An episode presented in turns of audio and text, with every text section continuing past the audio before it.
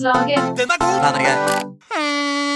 Igjen, ta på deg kavaien, trekk drakten på, kom deg ned i paien, sett den i ovnen, følg drømmen, Blippolini på mikrofonen, og rett overfor meg sitter Andreas nydelige Hedemann i en lyseblå T-skjorte med spillmotiv, jeg kjenner ikke igjen spillet, men dette er nerdelandslaget, hjertelig velkommen! Easy-peasy lemon squeezy. Er det der catchphrasen i dag, ja? Ja, en slags CSGO-referanse der, eh, til ære for eh, gjesten i dag, som jeg vet er en habil CSGO-spiller. Jeg, jeg gleder meg så mye til å komme. Men det er noe som ikke stemmer her. Det er noe galt. eh, Jeg føler det er noe galt. Hva er det går i? Hva, hva du tenker på? En vanlig bergenser. Nerdelandslaget. Du er, du er ikke Stian Blipp, er du det? Nei, jeg Nei, er ikke det. Jeg er ikke. Jeg er ikke Stian Blipp. Hjertelig velkommen, Sebastian Brynestad! Tusen hjertelig takk! Joho! Men hva er dette, lurer folk på nå. Hvorfor, eh, nei, hvorfor er det meg? Hvorfor er det deg, og ikke den sedvanlige bergenseren som sitter på andre siden av bordet? Nei, du, det er fordi han har andre ting å gjøre, andre ting å føre. Eh, han er rett og slett på innspilling av det som i år heter Senkveldslaget, eh, som skal erstatte da Camp Senkveld. Og det er en slags eh, bootcamp, hvor man blir tatt ut av vante omgivelser og utsatt for en rekke utfordringer. Ja, Så- og Må ikke forveksles med Senkveld-duellen, eller? Nei, Nei. det må det ikke. Det må det ikke. Så da, eh, på ganske kort varsel, så steppet du altså inn, Sebastian Brunstad. Relativt kort varsel så steppet jeg inn Andreas Hedman. Ja. Åssen syns du det er? Du, det er rart å sitte på denne delen av kjellerstua, for dere har jo litt sånn tronplasser i kjellerstua. Ja, ja, mens jeg som har gjestet et par ganger, jeg sitter på den der lille, fillete skammeren. Den som vanligvis potetgullbollen står på. Der sitter jeg. Og jeg er jo ikke verdens minste fyr heller, så nå knirker det i skammeren, og jeg er litt nervøs for at den skal øh, ryke når jeg er gjest. Men nå er jeg komfortabel. Det er veldig koselig å ha deg her. Um, er, du, er du mer nervøs enn du pleier? Mm, ja, altså det er jo med en viss ærefrykt. Jeg er jo veldig glad i nerdelandslaget, både selve laget og podkasten. Så det er, det er en tung bør å bære. Men skal fol om folk fra Bergen får det til, så skal nok Oslo-folket klare å tråkke til, de også. vi, vi får prøve å lose gjennom episoden så godt det lar seg gjøre, uh, uten denne høyreiste bergenseren som eh, jo leder dette så godt som han alltid gjør. Um, vi har en helt nydelig gjest. Jeg gleder meg utrolig til å ta han med ned trappene inn i kjellerstua og servere bestemors kanelsnurrer. Jeg har hørt at han liker kanelsnurrer, og at Ja. mesteparten av musikken hans er inspirert av kanelsnurrer. Å, har du hørt det? Ja, jeg har skrevet det selv på et forum, men Ja. ja.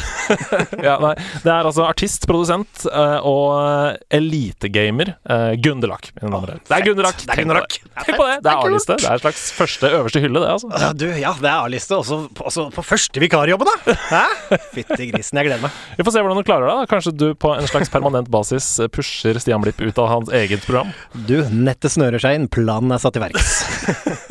men, men, uh, men Andreas, jeg fant utenfor i den Karpedammen utenfor hos deg, vet du. Ja. uh, Hva, hva er det der? Nei, så det er en vinflaske Ja. med et eller annet oppi. Kan se Det selv. står skrevet nerdelandslaget med en slags sånn svart sprittusjaktig ting. Og så er den våt. Og så har den sånne hvite sånne skjell sånn i havet. Ta av korken. Der kom korken. Se hva er det er nå. Oi, shit! Det er, det er en slags eh, flaskepost, rett og slett. Hva er det det er? Hva er det står her? Hva faen, Er det en lang URL, eller? Oi! Ja. Det, stå, eh, det står 'Play me', kolon. Og så er det en slags jeg, se, Hvis er, jeg leser Jeg kan lese før, URL-en hvis du jeg tror det er en slags Tor-link, bare ikke en sånn dark web-adresse. Ja, bare, Sånn. bare, bare tast Ja, inn, og så leser jeg fort her. Jeg Ok, er du klar? Ja. HTTP 1, 2, 3, 4, 5, HTTP HTTP www HTTP kolon kolon slash slash kolon org. Er det noen symboler der oppe på slutten? Ja, det er eh, Det er alfakrøll, det er skråstrek, det er kryss, altså plusstegn, Pluss, så er det ja. og så er det flåsatt-smiley med monokkel og brutte nyttårsforsett. Er det det? Da må jeg ta sånn emojipedia og copy her. Vent litt. Rann. Gjør det. Floss. Og så en gås til slutt der.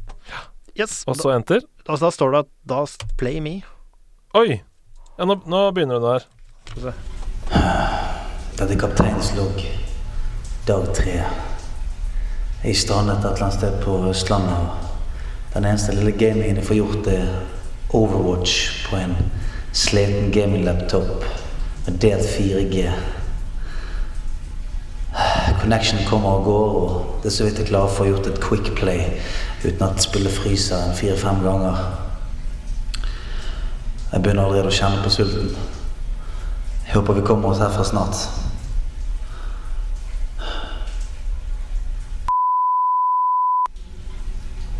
Kapteinens logg, dag fem. Det begynte å komme flere og flere folk på hotellet, og 4G-dekningen ble dårligere og dårligere. Multiplayer-spill er out of the question. Jeg prøver å laste ned singleplayerspill, men med den hastigheten de har på hotellet, så jeg død før Steam-launcherne i det hele tatt har klart å oppdatere seg. De finner nok skjelettet mitt i det Bioshock har klart å laste seg ned. Begynner å se mørkt ut. Kaptein ut. Kapteinslogg dag ni. Jeg er offisielt tom for data. Og det eneste spillet jeg har klart å grave fram, det er et gammelt monopol som ligger i kantinen. Men det er konstant okkupert av noen gamle pensjonister. Jeg har satt meg opp på liste, satt meg i kø, men hvem vet hvor lang tid et slag med monopol tar. Det kan ta en kveld, det kan ta en uke, det kan ta evig. Jeg har begynt å løpe rundt i skogen med sverd bare for å få en viss følelse av å game. Men det hjelper ikke. Jeg er redd at dette ikke går. Det har, gått for lenge nå. Det har gått for lenge nå uten, uten næring. Uten megabytes og piksler og loot. Deilig, deilig loot. Hvis dere hører dette, så er jeg Jeg er nok sikkert ikke med dere lenger. Jeg er nok sikkert blitt fanget av det de kaller den virkelige verden. Og jeg grøsser bare ved tanken. Forhåpentligvis så kan noen renne meg ut av dette stedet. Gud ber deg savne riggen min og gamingstolen og Red Bullen og de tre skjermene og nerdelandslaget. Jeg håper noen redder meg. Det var, eh, det var selveste Blipp, det. Det var, det var rart. Det var fort, fortrinnsvis rart. Er det sånn det er å være med på Senkveldslaget? Eh, ikke bare er det sånn det er å være med på Senkveldslaget, det er sånn det er, med å være, eh, sånn det er å være med på Radioteatret her i, i Nærlandslaget. ja, jeg håper det går bra mann. Um, vi må videre til ukens øyeblikk. Ukens øyeblikk for meg, det var da jeg hadde lagt siste stein på dette gamingrommet mitt, som jeg nå har jobba med å ferdigstille. Eh, og nå er, det, nå er det helt der oppe å gå, altså. Jeg rigget opp to curvede Samsung-monitorer eh, på et sånn deilig stativ, sånn at de står inntil hverandre. Så kjørte jeg Liverpool-Chelsea på høyreskjermen, og så Ducktales Remaster på skjermen til venstre. Å ja, oh, ja, sånn ja. Du, du, så, du spilte Ducktail Remaster. ja, mens jeg hadde Liverpool Chelsea der. Ja. Og da kjente jeg bare sånn Dette er lykke. Dette er en slags ultimat lykkefølelse, det som skjer her nå. Og så hørte du, så hørte du håpet om, fra kona forsvant. Kona, konas håp om at noen gang se deg igjen. Svant den i stua. Nei, det var som en slags sånn ro som senket seg over meg. Jeg, jeg føler jeg har funnet den derre PC-gamer-roen som jeg ikke har hatt på ja, noen gang, egentlig. Så nå, nå er jeg 100 klar for uh, WoW Classic, da. Eh, Neste, neste tirsdag. Det er Vanilla Days rett rundt hjørnet. En skarve uke idet vi sitter i stua her, for det er jo ikke live. Nei, det er ikke det. Det Nei. Hva har, du, har du noe forhold til Vov? Eh, Har jeg noe? har faktisk styrt unna Vov, eh, stort sett. Men jeg har jo selvfølgelig dyppet eh, tærne i det så vidt. Man kan jo ikke kalle seg gamer uten å ha gjort det. Så jeg kjenner fenomenet. Jeg har noen timer inne, men jeg merker at det er heroin. Og som kjent, heroin blir du avhengig av, Ja. og det er skadelig på sikt. Ja ikke det at folk ikke skal spille Vov, men jeg, som gammel MMO-heroinist, må ta litt avstand.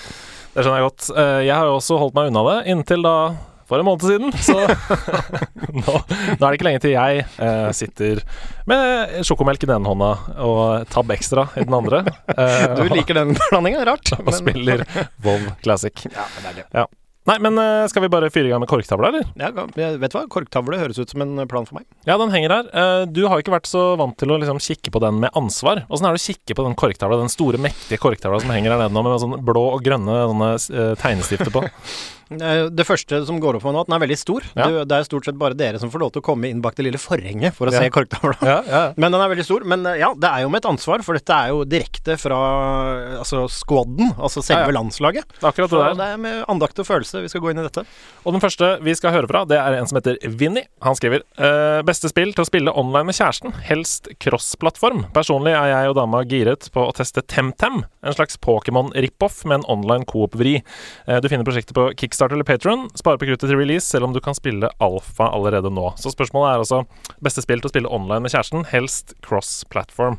Jeg har eh, forberedt meg litt her. Ja, altså online som at du ikke bor med kjæresten, og Ja. dere skal spille sammen på en måte som en uh, Ja, jeg, jeg ser for meg at det er et avstandsforhold her, og at uh, f.eks. er en konsoll og en PC da, involvert. Eh, ikke sant? Eh, så det En slags moderne Romeo og Julie-historie. Ja. Capulet og Montagu. Ja, nok om det.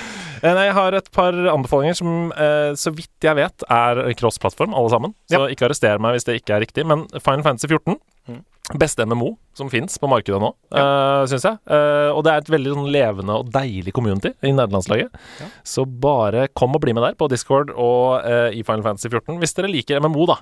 Det, er jo, det har vi nettopp snakka om, at eh, det er jo en slags heroin. eh, så ja.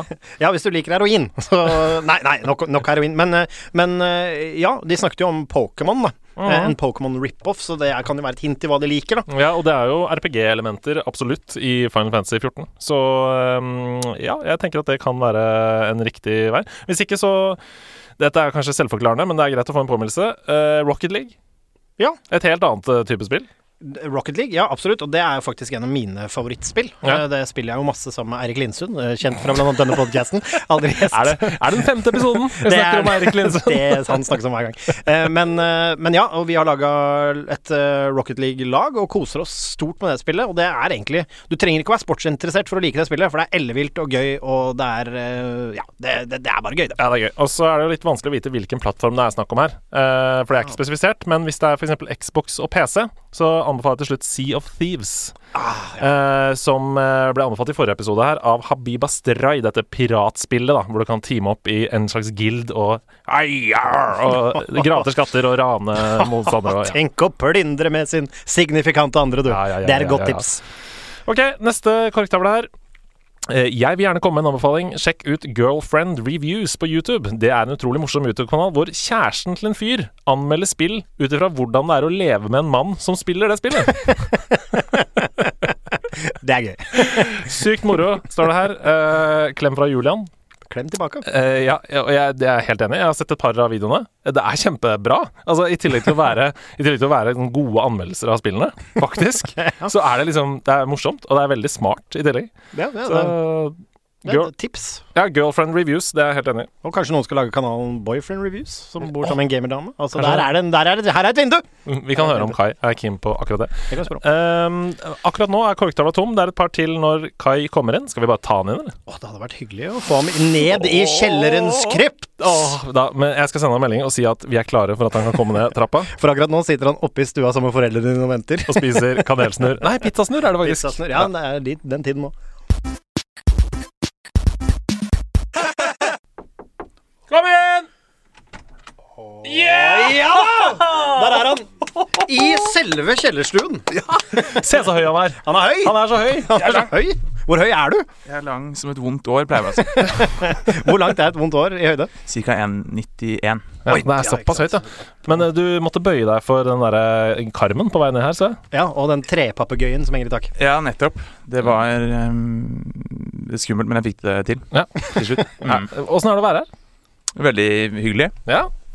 Altså, hva, synes, hva er inntrykket ditt av rommet? Er det, synes du det er godt dekorert? Liker du altiken? Eh, Liker du lukten av ostepop og gamer? Det lukter mindre gamer her enn stedet jeg har luktet uh, tidligere i mitt liv.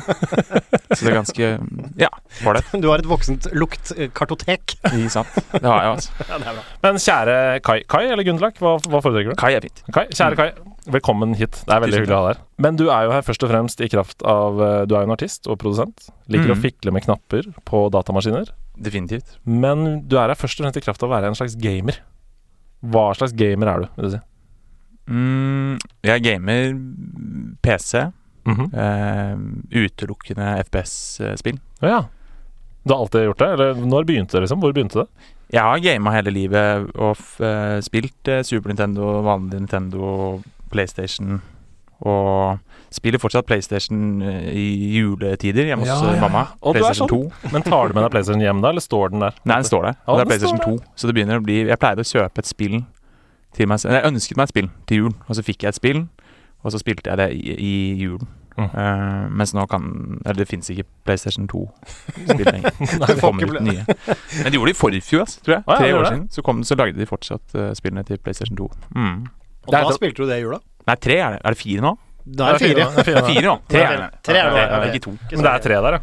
Det er tre, Tre er. Ja. Ja, ja, ja. Ja, ok, ja, men da Ja, for PlayStation 2 var jo en slags revolusjon. Det var, vi har snakka om det før. Den der futuristiske Det så ut som en skyskraper som Ja. tok over for denne lille grå PlayStation 1. Men PlayStation 3 var ikke så stor overgang. Det var liksom Det var bare Litt noen liksom, tweaks og ja, ja. Kanskje det er en to Nei, jeg er litt usikker. Jeg tror- det faktisk er to eller. Jeg vet ikke. ja. Hvis det ble laget spill for to år siden, da er det nok en PlayStation Metal 3. Gear uh, Hvor langt har Metal Gear kommet? Jeg kjøpte på eh, for to år siden. Metal Gear Er det Ja, fem, fem, ja. eller noe? Fem, ja. Og det kom til PlayStation 3. Det, Det, er imponerende. Tre, ja. Ja, ikke sant. det er det tre. Ja, ja, ja, ja. men det, er, det er hyggelig av PlayStation eh, å holde liv i det. Men, men du er da en rein FPS-gamer. Ja. Og, og når- vi snakker om gamle ting, er du glad for at uh, Altså, jeg tenker at FPS-gamerne er de som er mest lykkelige for grafikken steg framover. Altså, plattformgameren har liksom kost seg helt siden NES. Ja. Men, men hvordan, hva, hvordan, hva syns du om det, sånn i forhold til Doom, da, når det kom? Det, og, og Golden Eye, som selvfølgelig var et stort spill, Mm, mm. men som ikke har tolv tidens tann. Er, er du glad for fremst, Er du den lykkeligste gameren når det kommer til framskritt? Det som er, Jeg er ikke så opptatt av grafikk i det hele tatt. Jeg setter ofte settingsene helt uh, ned. Så jeg, for jeg har ikke så heftig PC heller. Jeg kjøpte Nei. den for fire-fem år siden. Brukt på Finn for 7000 spenn eller noe. Mm. Så den har jo Jeg har 1070 GTX 1070-kort. Mm. Og Men det funker fint i CS, da. Og, Ja, det gjør det. og, og, og PubG, som jeg spiller en del. ja. Mm. Du spiller litt Apex òg, har jeg fått med. Spil, jeg spilte litt eh, Apex. Jeg har vært innom de fleste av de eh, Battle Royale-spillene. Ja, du har det. Så COD, eh, nye Battle Royale der jeg har spilt litt, og Ring of Elysium og um, H1Z1 har jeg spilt Oh, mm. Det er så mye å ta tak i her. Men jeg, jeg må bare Vi må eh, litt tilbake til starten, tror jeg. Fordi Mm, mm. det er alltid sånn at eh, vi, prøver, vi prøver å spille sånn Hvem var det som introduserte deg til gaming, liksom? Hvor var det det begynte? Oi. Fikk du Var det sånn Hadde du en onkel som jobba i Nintendo, som hadde juksekoder? Nei, ikke sånn, eh, eller var det en kompis som Jeg hadde hadde vel uh,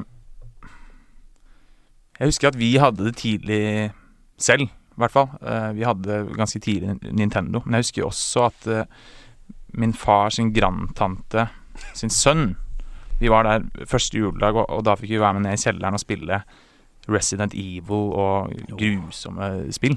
Og det var det første møtet, eller? Det var ikke det første, men det, det er det kanskje jeg husker best, i hvert fall. shit, Som ja, en sånn ha liksom Er det, er det, er det i det zombie, den første zombien snur seg? Er det det bildet Ja, som også er brent på din ja, ja? Nei, det er faktisk et hvor man står midt i gaten, og det brenner, og det kommer mange Ja. zombier. Oi, er ikke det to? Det er kanskje to. Ja, det, Ja, det tror jeg er toeren, ja. Det og det er grusomt øyeblikk. skummelt. Jeg husker bare sånn var, ja, altså Helt hår- hårreisende skummelt. Jeg husker da jeg var kid, så var det sånn Vi fikk ikke lov av foreldrene våre å se på X-Files.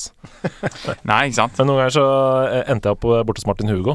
Martin, Eh, det Represent. ikke, de, de, fulgte ikke så mye med i kjelleren, eh, de foreldrene. Så da kunne det noen ganger bli X-Files på TV-en. Jeg var livredd. Jeg hadde mareritt i dagevis etterpå. Jeg har, ikke sett, jeg har ikke sett X-Files. Nei, men det var, Og det var ikke noe ille. Men for et ungt, naivt barnesinn så var det helt krise. Og da ser for meg Hvis jeg hadde måttet uh, face Resident Evil Ja, ja, ja. i kjelleren til grandtanta med sin sønn Shit. ja, Altså, det var skumle greier. Eh, Jeg må bare, jeg må bare kjapt skyte inn. Jeg er jo vikar for Stian. Eh, men du nevnte Martin Hugo, og da føler jeg min plikt til å spørre Fins Martin Hugo? Nei, Jeg svarer som jeg alltid gjør. Eh, ja. Ja, ja takk. takk. For det kunne vært en episode av X-Files. Martin Hugo, som er bare inni hodet ditt. Du er Martin Hugo. Ja, nok om det. Men, men når, når kom kjærligheten for FPS? Um, da var jeg vel en Jeg hadde en eh, Eller jeg har fortsatt en god kompis som moren hans uh, bodde i Uddevalla i Sverige. Så vi pleide å være der noen helger, og der var det internettkafeer, ikke sant. Mm. Du har kommet lenger enn oss. Ja, ikke sant? Og det Ja. var mye mer kultur for liksom gaming, følte jeg i hvert fall. Jeg hadde ikke kjent noe på det hjemmefra.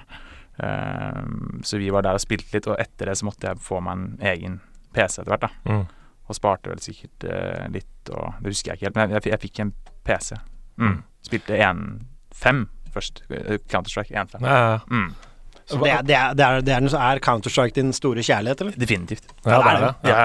Er er- hvor, og hvor lenge har kjærligheten vart eh, i år? Eh, Det som var at jeg spilte jo da eh, fra jeg var la oss si 13 til, til ut videregående. Og da hadde jeg en kjæreste også på videregående som syntes lite om den spillingen. Klassisk historie, det. Og dere Og er ikke sammen nå lenger. Hun er ikke sammen nå lenger, Nei. Og hun jeg husker jeg lå i sengen, og det var i samme rom, og jeg, jeg hadde en dyne over meg selv og den svære skjermen, og satt og spilte etter at hun hadde lagt seg. Men for at hun ikke skulle våkne av For lyset. at hun ikke skulle våkne av lyset, ja. Og så, eh, men jeg slutta i hvert fall å game da etter videregående. Og så begynte jeg igjen for fire år siden. Ja, du gjorde det, ja. Da kom jeg bare over igjen. Hadde jeg litt penger eh, ekstra, så kom jeg over en PC på Finn. 17. Deilig. Og da tente du flammen igjen. Ja, Nei, da hadde, jeg hadde spilt litt på Mac-en. For jeg fant ut at man kunne laste ned Steam på Mac. Og spilte litt på laptopen med ekstern mus, men det var veldig dårlig FPS. Ja, det var samme. Det- det- Dette er jo en ganske lik historie som meg. Bare stryk alt som har med FPS å gjøre, og bytte ut med sånne eh, litt rare plattformspill og RPG og sånn. Så Ja. er det. Men, men det er samme. Jeg satt jo på liksom, og prøvde å tvinge Mac-en min til å funke som en gaming-PC ganske, ganske lenge. Det må man. Det er, det er alle Alle som jobber innenfor litt sånn TV-felt og sånn, har jo Mac eh, symptomatisk. Ja. Og har hatt det noen år, og alle har prøvd å skvise gaming-PC ut av Macbook Pro. Det er vanskelig. Mm, Man må drive og partisjonere disken og ha sånne parallels-programmer. Var, du var der? Ja, ja. Og prøve på sånne ting. Nei, men eh, det er jo helt eh, Og nå om dagen fortsatt CS. CS. CS CSGO, spiller da. CSGO, ja. Ja, ja. Og, og litt eh, PubG. Mm.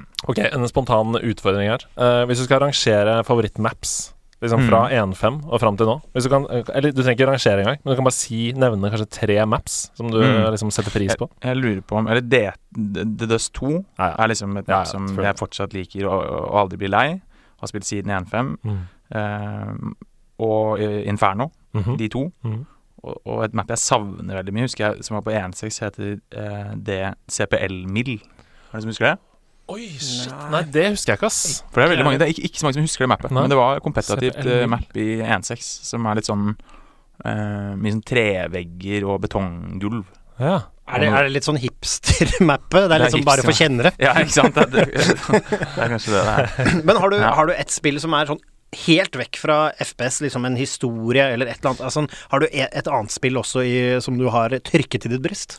Ja da, jeg har spilt eh, Jeg husker jo um, Selda, uh, Ocarina of Time oh. og det, husker jeg, det, det, Som et spill som jeg eh, spilte hele, liksom. Og det Bare fortsett å snakke, jeg bare Det lager er et fantastisk eh, spill. Men jeg har ikke spilt de nye, da, som visstnok skal være eh, bra, skal det ikke? Jeg er bare Contentum-mannen. Det eh. det det var veldig bra. Trenger et glass vann bort på vokal. Ja, Brett of the Wild, da. Vi har snakket Ja. mye om Breath of the Wild. Ja, Det er jo har eh, ja, det, og jeg tror at hvis du setter pris på Ocarina of Time, sånn som alle vi her også gjør Ja, i denne podkasten Vi har Mm. hyllet Ocarina of Time uh, tidligere. Mm, mm. Så tror jeg også du kommer til å like Breath of the Wild, altså. Men det er jo liksom sånn Det er en slags terskel der. Du må bruke tid med det, komme inn i det. mm. Eh, det, det er en slags rytme i det, hvis du skjønner. Ja, ja. Sånn, eh, det, er ingen som, det er ingen som forteller deg hva du skal, eller holder deg i hånda, liksom. Det er bare sånn Her er en verktøykasse. Eller en sandkasse, om du vil. ja, ja. Med masse leker i. Vær så god. Ja. Gjør hva du vil. Ja, det, er- det er Ja. deilig, og det bryter jo med Zelda-formelen, men allikevel så har han liksom klart å holde Zelda-vibben. Ja, ja. Det er det som er så fantastisk. Det er, det, er, det er jo helt nydelig, og jeg kan jo si så mye som at eh, akkurat nå, det er rart du skulle nevne Ocarina of Time, for du sitter jo på samme krakk som altså en som var i kjellerstua for bare noen uker siden, som har verdensrekorden i Ocarina of Time. Oh, wow. Tenk på det. Tenk på det. Torje Amundsen var her for et par uker siden, og han er altså i speedrun verdens raskeste uh, Ocarina of Time. shit. Det var det jeg skulle spørre om. Er det, er det tiden det Ja, ja, ja. handler om da? Og det er altså any percent, så det betyr at han kan bruke alle glitcher han vil og sånn for, for å runde spillet raskest mulig. Eh, Mm. Har du lyst til å gjette hvor fort det gikk? Oi, oi. Jeg vet da fader. eh, Fem timer. Seks timer. Det er 17 minutter, ja. Oi!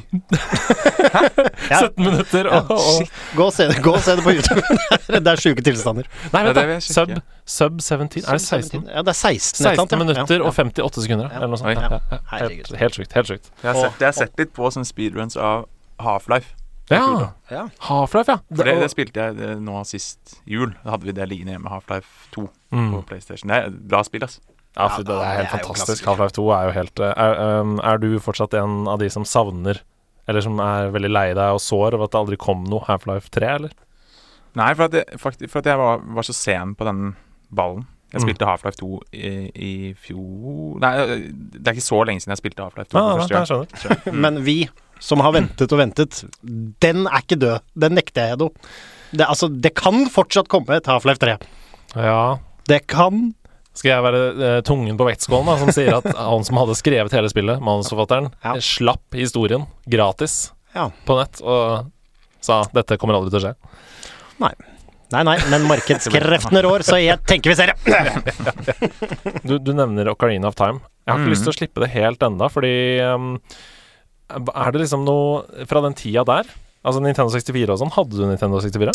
Jeg hadde Nintendo 64. Ja, Hva var liksom favorittene der, da? For det var jo så utrolig mye forskjellig. Altså 1964 er alt fra liksom Bubble Bubble til uh, Ocarina of Time. Jeg, jeg må si Eller Golden Eye, selvfølgelig. Ja, ja, ja. Åpenbart. Lov å være oddjob, eller? Ikke lov? Ikke lov. Ikke lov. Ikke lov, ass. House reels, ingen oddjob. Ingen Crouch. oddjob. Crouch vi hadde oddjob-regler, ikke noe oddjob. Nei, ikke noe oddjob, nei. Skjer Nei, ikke. nei, det er ikke lov. Perfect Dark var så jævlig rått. Ja! Vet du hva, det er gøy, for det er, er flere lyttere som har sendt inn sånn Dere snakker en del om uh, forskjellige FPS-spill og, og sånn. Kan dere snakke litt mer om Perfect Dark? Og det er ingen av oss som egentlig har noe sånn uh, veldig brennende forhold til Perfect Dark. Jeg spilte ekstremt mye Perfect Dark. Vær så god, da kan Eh, dere prate litt, og så går jeg ut av studio. Ha Men, det da, da men, men mitt inntrykk av Perfect Dark var at man var så ekstremt ferdigspilt på James Bond. Jeg vet ikke hvordan det var med deg, men Jo. Goldeneye gjorde For det var liksom bare et bedre Goldeneye på mange måter. Mm. Og da ble det ikke helt det samme. Jeg vet ikke hvordan du Jo, jeg er litt enig. Jeg husker at det Og det er kanskje noe med det Jeg husker ikke så godt handlingen i spillet. Jeg tror ikke jeg spilte det ferdig. Jeg husker at det, naboen min der spilte Perfect Dark, og, og vi var der nede. Og det var multiplayer på det òg, Ja, ja. og det funka litt bedre enn Men det er, det er litt samme som deg, inntrykket jeg sitter igjen med av Perfect Dark. For jeg husker ikke så Jeg husker bare at det er litt mer sånn space ja. Space, uh, gunnere og sånn. Også mer, også mer sånn objektiv som fortere kunne gå gærent, og det var litt vanskelig Altså, det var Man er en dame. Ja, man er en dame, og så kommer Og så husker jeg bare det at det føltes som Å, dette er den nye Goldeneye, og det var kjempehype. Men så var det jo dette at det å være James Bond var jo mye hypen med Goldeneye. Du, altså, vi Ja, kjenner jo James. Bond, og vi var jo kids, og det var litt vanskelig å få grepet på en helt ny eh, Altså helt ny law og alt rundt Perfect Dark, så jeg datt liksom av. Ja, det er sant. Det som var kult med Perfect Dark Nå er jeg tilbake igjen, forresten. Jeg har vært ute og pussa nesa og drukket litt vann. Um, det som var kult med det, var at det, det var jo i mye større grad en Altså, det var en revolusjon fordi eh, det hadde veldig mye å si hvor du f.eks. skøyt motstanderne. Så Mm. traff dem i armen, så kunne man skyte av det i armen. Eh, det var liksom sånn og, og ulike deler av kroppen tok ulik damage og sånn. Yeah. Eh, som var mye Altså, i Golden Eye så var det liksom headshot eller kropp. Det var det. Og én en animasjon. Ja. Og Ja, men hvis du er skyter i foten i Perfect Dark, da, så er det ulik damage fra om du treffer Ja. i skulderen, f.eks. Eh, og fiendene tåler dynamisk forskjeller ut fra liksom hvordan du har truffet dem og sånt. Så det var det sånn der, og og alle de, selvfølgelig, alle de konnoissørene, de var sånn Ja, du spiller Golden Eye. Ja, du spiller Perfect Dark, jeg, for det er mer realistisk. Og det er det var, men det var sikkert folk som var litt eldre også, da. Ja. Når, hvor gamle var det? Jeg var 13 år, ser jeg for meg, når det kom. ja, noe sånt. 12-13, Tolv, ja. ja, Ja, ja, ja. ja, ja. Hvor du er født i 89. 89, ja. ja. Mm. Det, det viktigste for meg var ikke da hvor jeg skøyt folk, det var mer hvem som skøyt. ja, ja, ja, ja, Så ja. det var litt det. Og med det sier vi takk til Perfect Dark. Kort Nei, men eh, det er utrolig hyggelig å ha deg, her, Kai. Eh, jeg hører jo jeg, For jeg, liksom, jeg, jeg visste jo at du var gamer. Jeg har jo sett litt sånne intervjuer i media og sånn, eh, og hvor du har snakka om at du bruker gaming som en måte å tømme liksom hjernen på. Kan ikke Ja, du si litt om det? Jo, det kan jeg godt. eh, fordi eh, på ekte så er det den eneste måten jeg klarer å ikke tenke på stressende ting. Mm. Hvis jeg har Jeg skal spille konsert, jeg, har, jeg skal gjøre ferdig album, jeg har deadlines på ting. Eh, eller hvis man skal holde en tale dagen eh, etterpå, du gruer deg, du går rundt og gruer deg, du har en stressende følelse i deg. Og så kan du prøve å se en film, for eksempel. Det funker ikke. Da sitter du bare og tenker på eh, hvert 15. sekund så kommer det og popper det opp eh, konsert og sånn. sånn. Mm. Sender på den uh, uggende følelsen. Mens gaming, da blir du tvunget til å slippe alt det, og så er det bare gamingen Mm. i de timene eller de øh, hva det nå blir. Og det blir noen timer, da. Men det er da tiden går så fort, da. Når man eh, bare slipper alt man har, liksom, og uh, dedikerer seg til det universet, da. Bare Mm, tenker sånn mm. Men hender det omvendt? At når du spiller konsert, så drømmer du deg bort til Counter-Strike? Det, har, det har ikke skjedd ennå, i hvert fall. Nei, Ok. Ja, det jo skudd i blinde, det, men uh, Jeg har lyst til å bare ta opp en eh, liten ting før vi går videre, som jeg bare henter opp igjen fra i stad. Fordi eh, det er jo mange som har eh, hatt den eh, Vært i den situasjonen hvor man på en måte ikke har blitt akseptert for eh, hobbyene eller fritidsinteressene eller det man liker å drive med, av the significant other. Mm. Um, du har vært der. Jeg har vært der. Mm. Uh, jeg vet ikke om du har vært der. Du, vi har alle vært nerd. Åssen dealer man med det, liksom? Vi har sikkert eh, tre forskjellige varianter uh, og tre forskjellige historier her, men hva Må man bare gi det opp, eller liksom Nei, man må være litt flink. Man må være litt lur, ikke sant.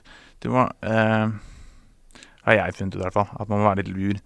Eh, hvis jeg har laget mid Middagen er klar. Eh, Nydeligste. Nydeligste middag. Marie kommer hjem. Eh, det er ryddig og fin. Vi spiser middagen. Da er det veldig mye lettere for meg å gå ned og game resten av kvelden Mm. enn hvis hun kommer hjem. Det er ikke noe middag.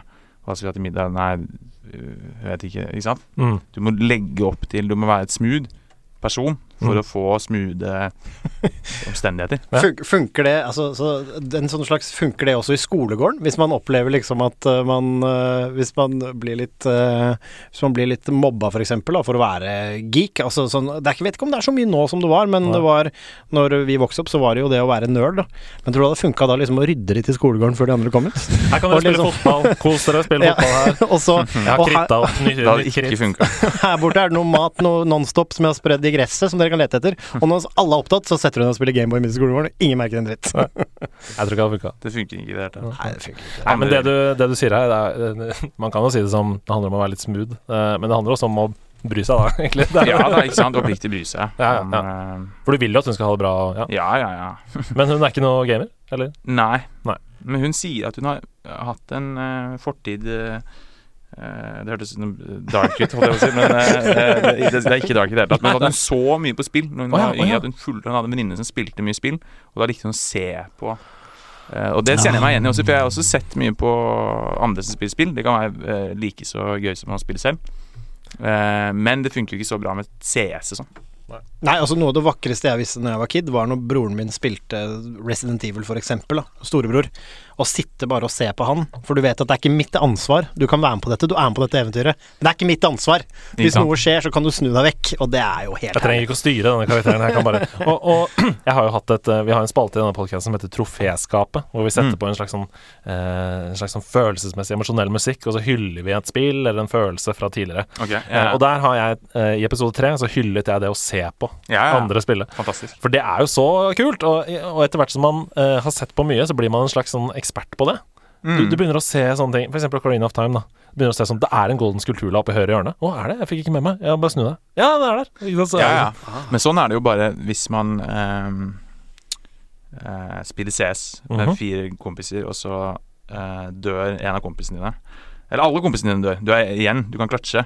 Da er det mye lettere for de å se ja, ja, at personen kommer inn, at det er en der det satt en croucha bak den bilen. Det er Mm. mye lettere da for de å se, for de fokuserer ikke like mye på da sant? Så det er kanskje noe med, med det. Man blir litt mer oppmerksom som tilskuer. det, det er lettere å være baksetegamer, på en måte. Ja, ja, ja. At du, du ser liksom fi- fienden kommer. Men jeg, jeg opplever, og der er jeg litt dårlig, fordi hvis jeg, hvis jeg ser på et spill som jeg er god i selv da syns jeg det nærmest er tortur å se andre Ja, spille. ja, ja, Med mindre de er highly skilled.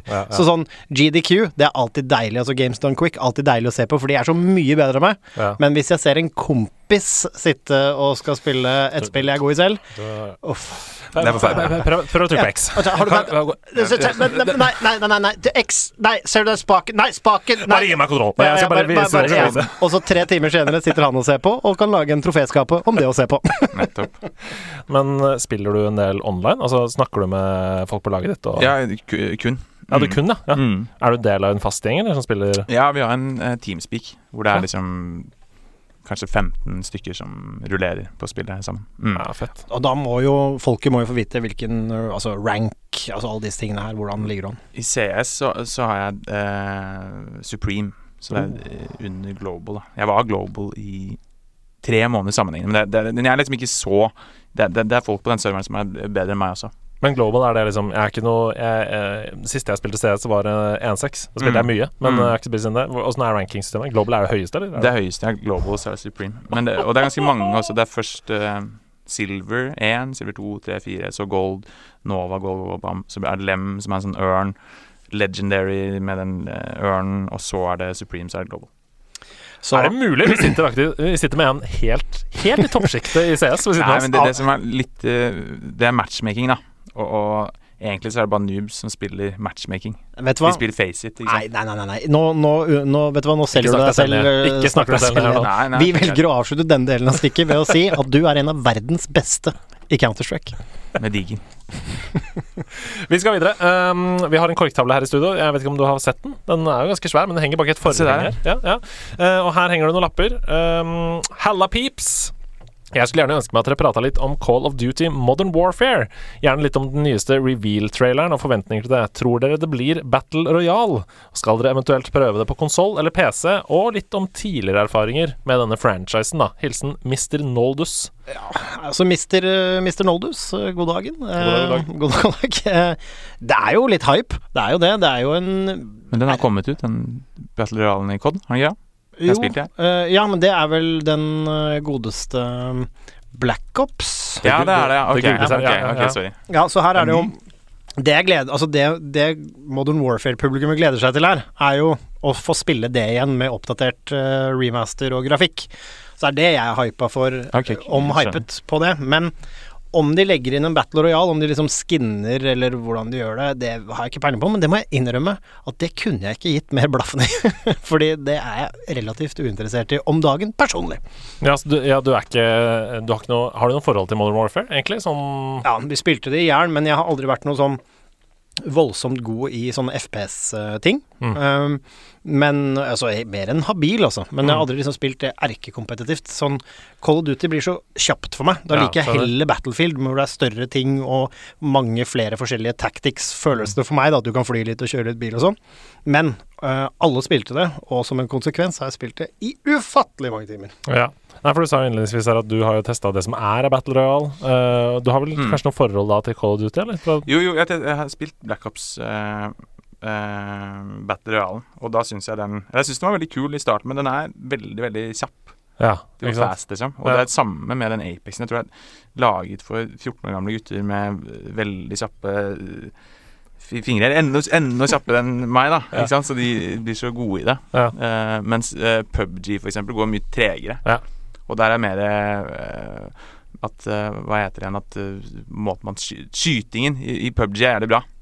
Ja. Med, med sniperrifler og Mm, mm. hvordan kulen ikke sant? Det, det, Det er veldig kult. Men grafikken er ganske dårlig, og motorikken også er litt sånn kronglete. Men jeg liker veldig godt den skytingen. Ja, altså Det jeg liker med PubG, som er også min favoritt-battle Battle Royale, er på en måte Det føles, selv om det ikke er det, så føles det mer simulator av en eller annen Mm. merkelig grunn.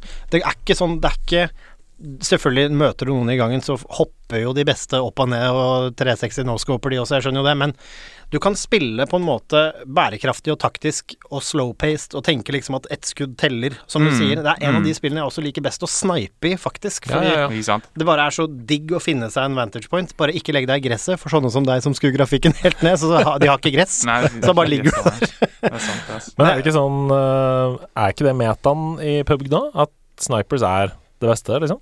Jo da, men det er jo eh, Hva heter det? Bolt action Mm. og eh, DMR, da. Så Mm. du har jo eh, hva de heter, Mini og SKS og sånn, som Mm. er eh, semi-automatiske snipere. Mm. Og så har man den karen, da, som er jævlig rå, den gamle jaktdrifta som eh, funker Som dreper på ett eh, Eller knocker, i hvert fall, da, Mm. med ett skudd i hodet, selv om du har beste hjelmen. Det, åh, det det er lite som er like tilfredsstillende som du ser en person ganske, ganske langt fra løpende gjennom trær, og så plasserer du siktet to centimeter på skjermen foran litt opp, og så ser du at den lander rett i skallen på han. I, i spillverdenen, der altså. I, I spillverden. Tror du kunne hatt en karriere som yrkesmilitær, eller? Ja, det verste er at jeg har tenkt på, ikke som yrkesmilitær, men jeg er keen på å teste å skyte med forskjellige våpen for å se om jeg er noe god i det. På blink. På blink og sånn, ja. Ja, ja. Ikke ja det er bra presisert. Ikke, du har Det er sånn støttehjul. Ja. Ja, vi presiserer at det er på blink her. Uh, Du har ikke lyst til å se noen løpe i det fjerne mellom trærne, og så legge sik... Nei, jeg bare, nei nå, nå, det blir veldig mørkt! Nå må vi! det blir veldig mørkt! Ok, men uh, du skal med andre ord ikke teste Modern Warfare. Kommer i oktober. Eller skal du teste? Ja, nei, jeg tror ikke jeg gidder å kjøpe det. i hvert fall Kanskje jeg Nei. tester det eh, hvis noen andre har det. Så Eller sjekker det ut på YouTube, liksom. Hvis det, hvis det ser rått ut, så kanskje. Hva med okay. deg, Hva med deg Nei, det skal jeg ikke. Det, jeg er nok på samme ballen som du sier, altså. Det blir for fast-paced for meg. Jeg, jeg prøvde Fortnite da det kom. Følte meg liksom ganske god. eh, Gjorde det greit og sånn. Vant faktisk den første kampen Ja. uh, i en trio sammen med uh, Hans Christian Heyerdahl, eller Hasse Hope, som han så kjennes som, og eh, Lady Poo, Ja, eller, Espen, shoutouts. eller Espen Paugar. Doktor Pau. sånn. Vi vant den første kampen vi spilte, og så lot jeg det ligge en stund. Kom tilbake. Helt umulig. Helt umulig. Det er sånn De bygger tårn sånn Ja, men det er, jeg orker ikke den bygge, byggegreiene. Det Altså. har ingenting med krig å gjøre! Hvorfor skal det bygges? Ja, altså Bygge er noe du gjør før, eventuelt etter en krig er over. Da må du bygge opp igjen.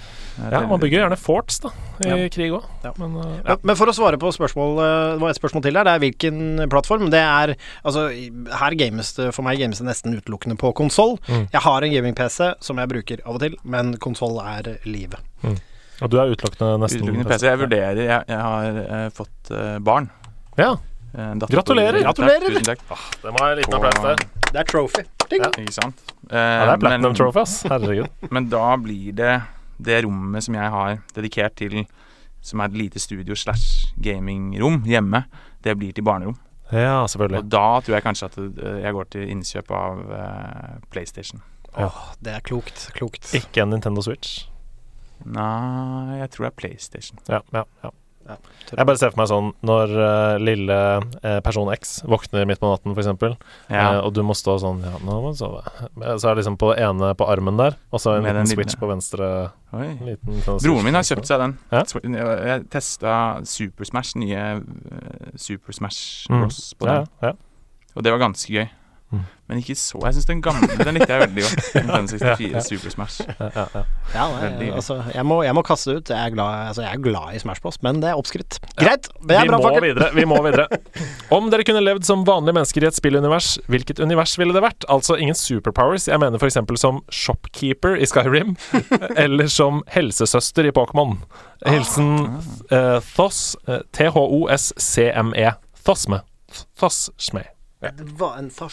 En Dere kan tenke litt på det, ja. og så kan jeg uh, si i mellomtiden. Ja. Og jeg vil gjerne være da The Innkeeper i Heartstone. Uh, uh, det er han som jobber på den tavernaen, som tar imot folk, som sørger for at de eh, setter opp sånn at folk kan spille mot hverandre.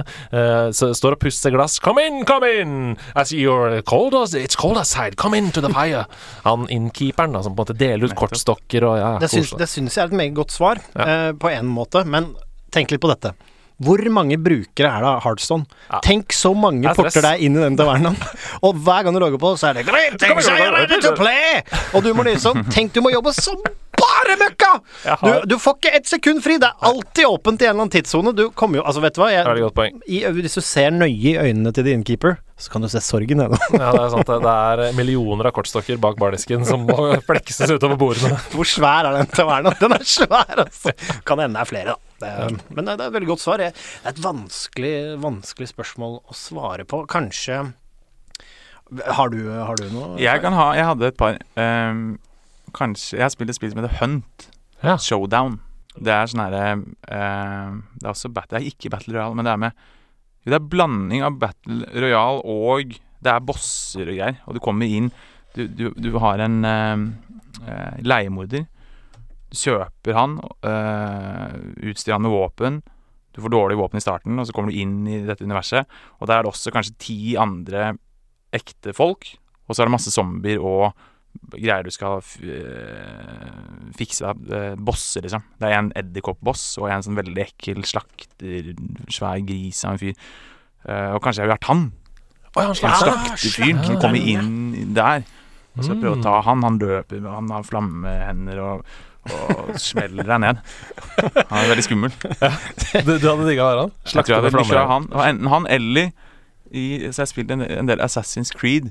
Mm. Og i de vaktene i de byene, flotte havnebyer Mm. Og være en av de vaktene i rød, rød frakk.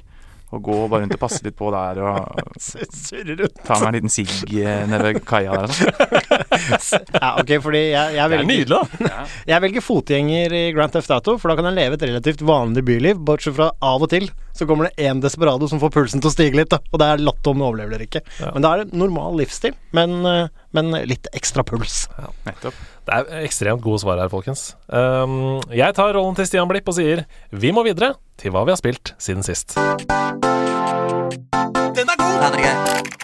Da er det tid for eh, spalten eh, Spilletid. Eh, hørte du det, hvor, hvor flink jeg var? Veldig godt introdusert. Tusen takk. Hva syns du om Sebastians programlederegenskaper? Flink. Virker, han eh, virker for meg som at det har vært han hele tiden. Å oh ja, det er hyggelig. Tenker du at det kanskje bør fortsette å være Det skal jeg ikke si noe om. Stakkars. Men, eh, ja. Stakkars Stian. Stakkars Stian. Men, men uansett, det er, det er spalten Spilletid. Eh, Det handler rett og slett om, og vi begynner med deg, Kai. Hva, hva har du Nei, med deg, Edo. Ja, uh, Hva, nå roter vi det til. hva- Ikke sant? Nå roter vi det til. Må ikke få komplimenter. Ja, da, da, da nei. fucka du opp med en gang. Han fløy for nære solen, og som Ikaros smeltet hans vinger bort. Men Edo, hva har du spilt siden sist? Ja, i denne spalten så snakker vi da liksom om For det er jo eh, Nå har vi snakka mye om fortiden, men hva vi akkurat nå spiller om dagen. Eh, og jeg har kost meg veldig mye med spillingen siste. Jeg har jo som jeg sa innledningsvis her rigga opp dette gamingrommet mitt, da, og nå har jeg fått forma det etter uh, mine egne ønsker. Jeg har fått meg lite cola-kjøleskap på høyre side, og det ligger noe Serrano inni. Ja, Eh, det er noe Pepsi Max, det er noe lettøl. Cola-kjøleskap med Pepsi Max.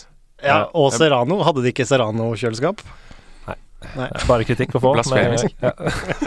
Det er blasfemi. Beklager at jeg foretrekker et annet brusmerke enn uh, Ja. Det fins ikke Pepsi Max-kjøleskap, OK? Velkommen til spalten. Hvilken brus foretrekker du? Uh, uh, nei, så jeg har kost meg veldig mye inne i det rommet. Um, og forrige dagen så var Ducktales remaster, som jeg snakka om, det var på tilbud fordi den lisensen var på vei til å gå ut.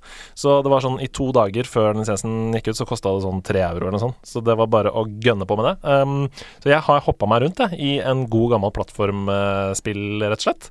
Eh, og det er jo en ny drakt, da.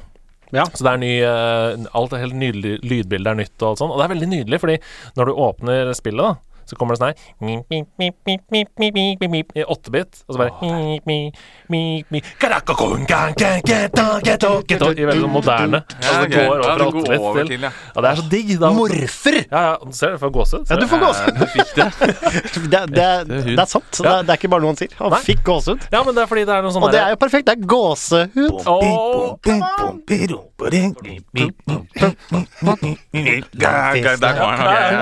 Ja, det er deilig, for det er en slags hommage til det gamle. Ja. Og så bare skrur vi det opp Men til 11. Jeg visste ikke at det var et spill eh, engang. Ja. The Ducktales. Det, det, det, er.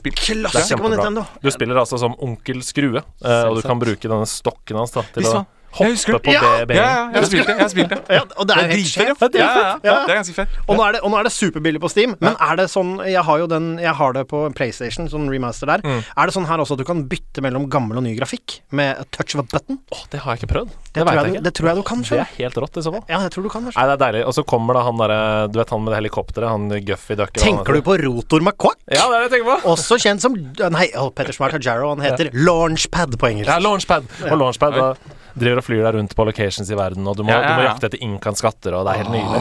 Det er kjempebra, og det er dritvanskelig. Eh, akkurat sånn som det skal være. Nintendo Hard. ja, det er, eh, det er rett og slett Spill var vanskeligere før, eh, og dette har ikke blitt noe lettere med åra. Eh, så ja. Men det er veldig gøy. Men du, du koser deg, og det er det du har spilt Ja, ja, siden sist? ja, ja. Altså, jeg har spilt veldig mye forskjellig, men jeg ville liksom trekke fram dette da som et slags høydepunkt. Uh, Ja. For det har kommet ny uh, sesong i Overwatch med Roll Q. Det har kommet ny uh, DLC til Heartstone. Det har kommet masse ting. Men, Ja. men Ducktales Remaster vil jeg snakke om. Deilig å snike inn. Jeg er i en helt annen verden. Oi. Jeg har for første gang bitt meg ut på noe eh, som jeg aldri har bitt meg ut på før. Eh, det startet som en eh, kjærlighet til en serie som heter All or Nothing. Eh, som handler om amerikansk fotball. Oh, ja.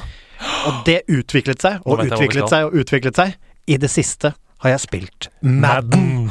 Du spiller Madden! Jeg spiller Madden 20! Det er fett, ja. Og det som er at nå har jeg Altså, jeg har kunnet reglene halvveis sånn, men jeg har liksom tenkt pff, tøysespill, trykke på en knapp og senter hit og piss og faen, liksom. Det er ikke ordentlig sport, og fotball og hockey er mye federe. Men jeg har så respekt for den sporten nå, og jeg er helt fullstendig forelsket i Madden 20. Det er helt utrolig, for jeg skjønner ingenting av Madden. Når jeg prøver å spille det, så det er bare masse eh, tekst, det er masse kode Jeg skjønner ingenting av Jeg får ikke til noe. Men i det, skjønner du, i det disse strekene og squiggly linesene og navnene og titlene og kodene og alt bare sakte, men sikkert bare unfolds, da kommer du til et sånt katarsis. Jeg vil sammenligne det litt sånn med um, å kanskje Altså å spille minesveiper eller sjakk eller sånne ting som du liksom må kunne for å være god i. Jeg tenker det er sånn Magnus Carlsen eh, føler det når han plutselig sitter og ser en stilling og klør seg i huet, og du ser han ser litt ut som en apekatt i ansiktet. Og så bare Og så plutselig bare whoop, Og så ser du han blir helt sånn lys og får sånn adrenalinkick. Det skjedde med meg. Plutselig så knakk jeg koden på Place og skjønte hvordan defense Og det er så gøy!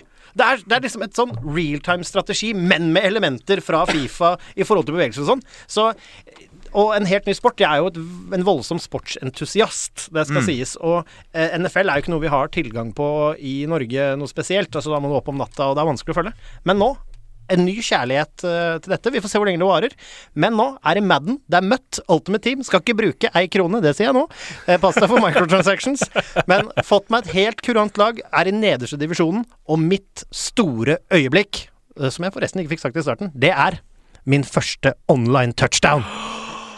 Mot en annen spiller. Oi, oi, oi. oi, oi. Ai, ai, ai. Der satt den, og tapte riktignok kampen eh, 43-7 eller noe sånt. Men min første online touchdown er et faktum, Gratulerer. og jeg koser meg. Nei, er det Kai?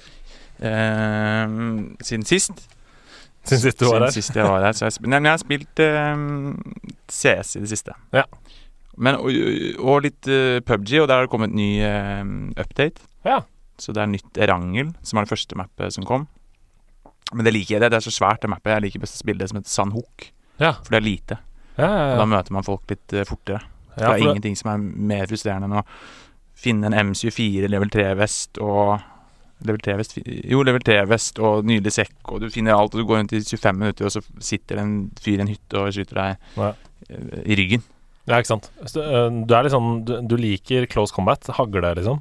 Ja, jeg liker bare å gå ned der det er mye folk, og overleve. Kanskje få med meg tre stykker i starten, og så gå videre. Jeg liker ikke å gå et, eh, et langt bort sted der det ikke er noen, Mm. og så gå og lute og Nei, for det er meg. Det, der har du meg. Ja, meg, meg, også. Ja, ja. Det liker jeg. Men, men et spørsmål som jeg glemte å stille deg i stad, som jeg lurer litt på. Har du laga Er noe av musikken din inspirert av gamingen din? Nei eh, Har dere hørt noe på eh, Burial? Ja, ja, ja. ja, ja, ja. Fint lite. For han eh, bruker mye av lydene til Metal Gear Solid som lyd i, i musikken sin.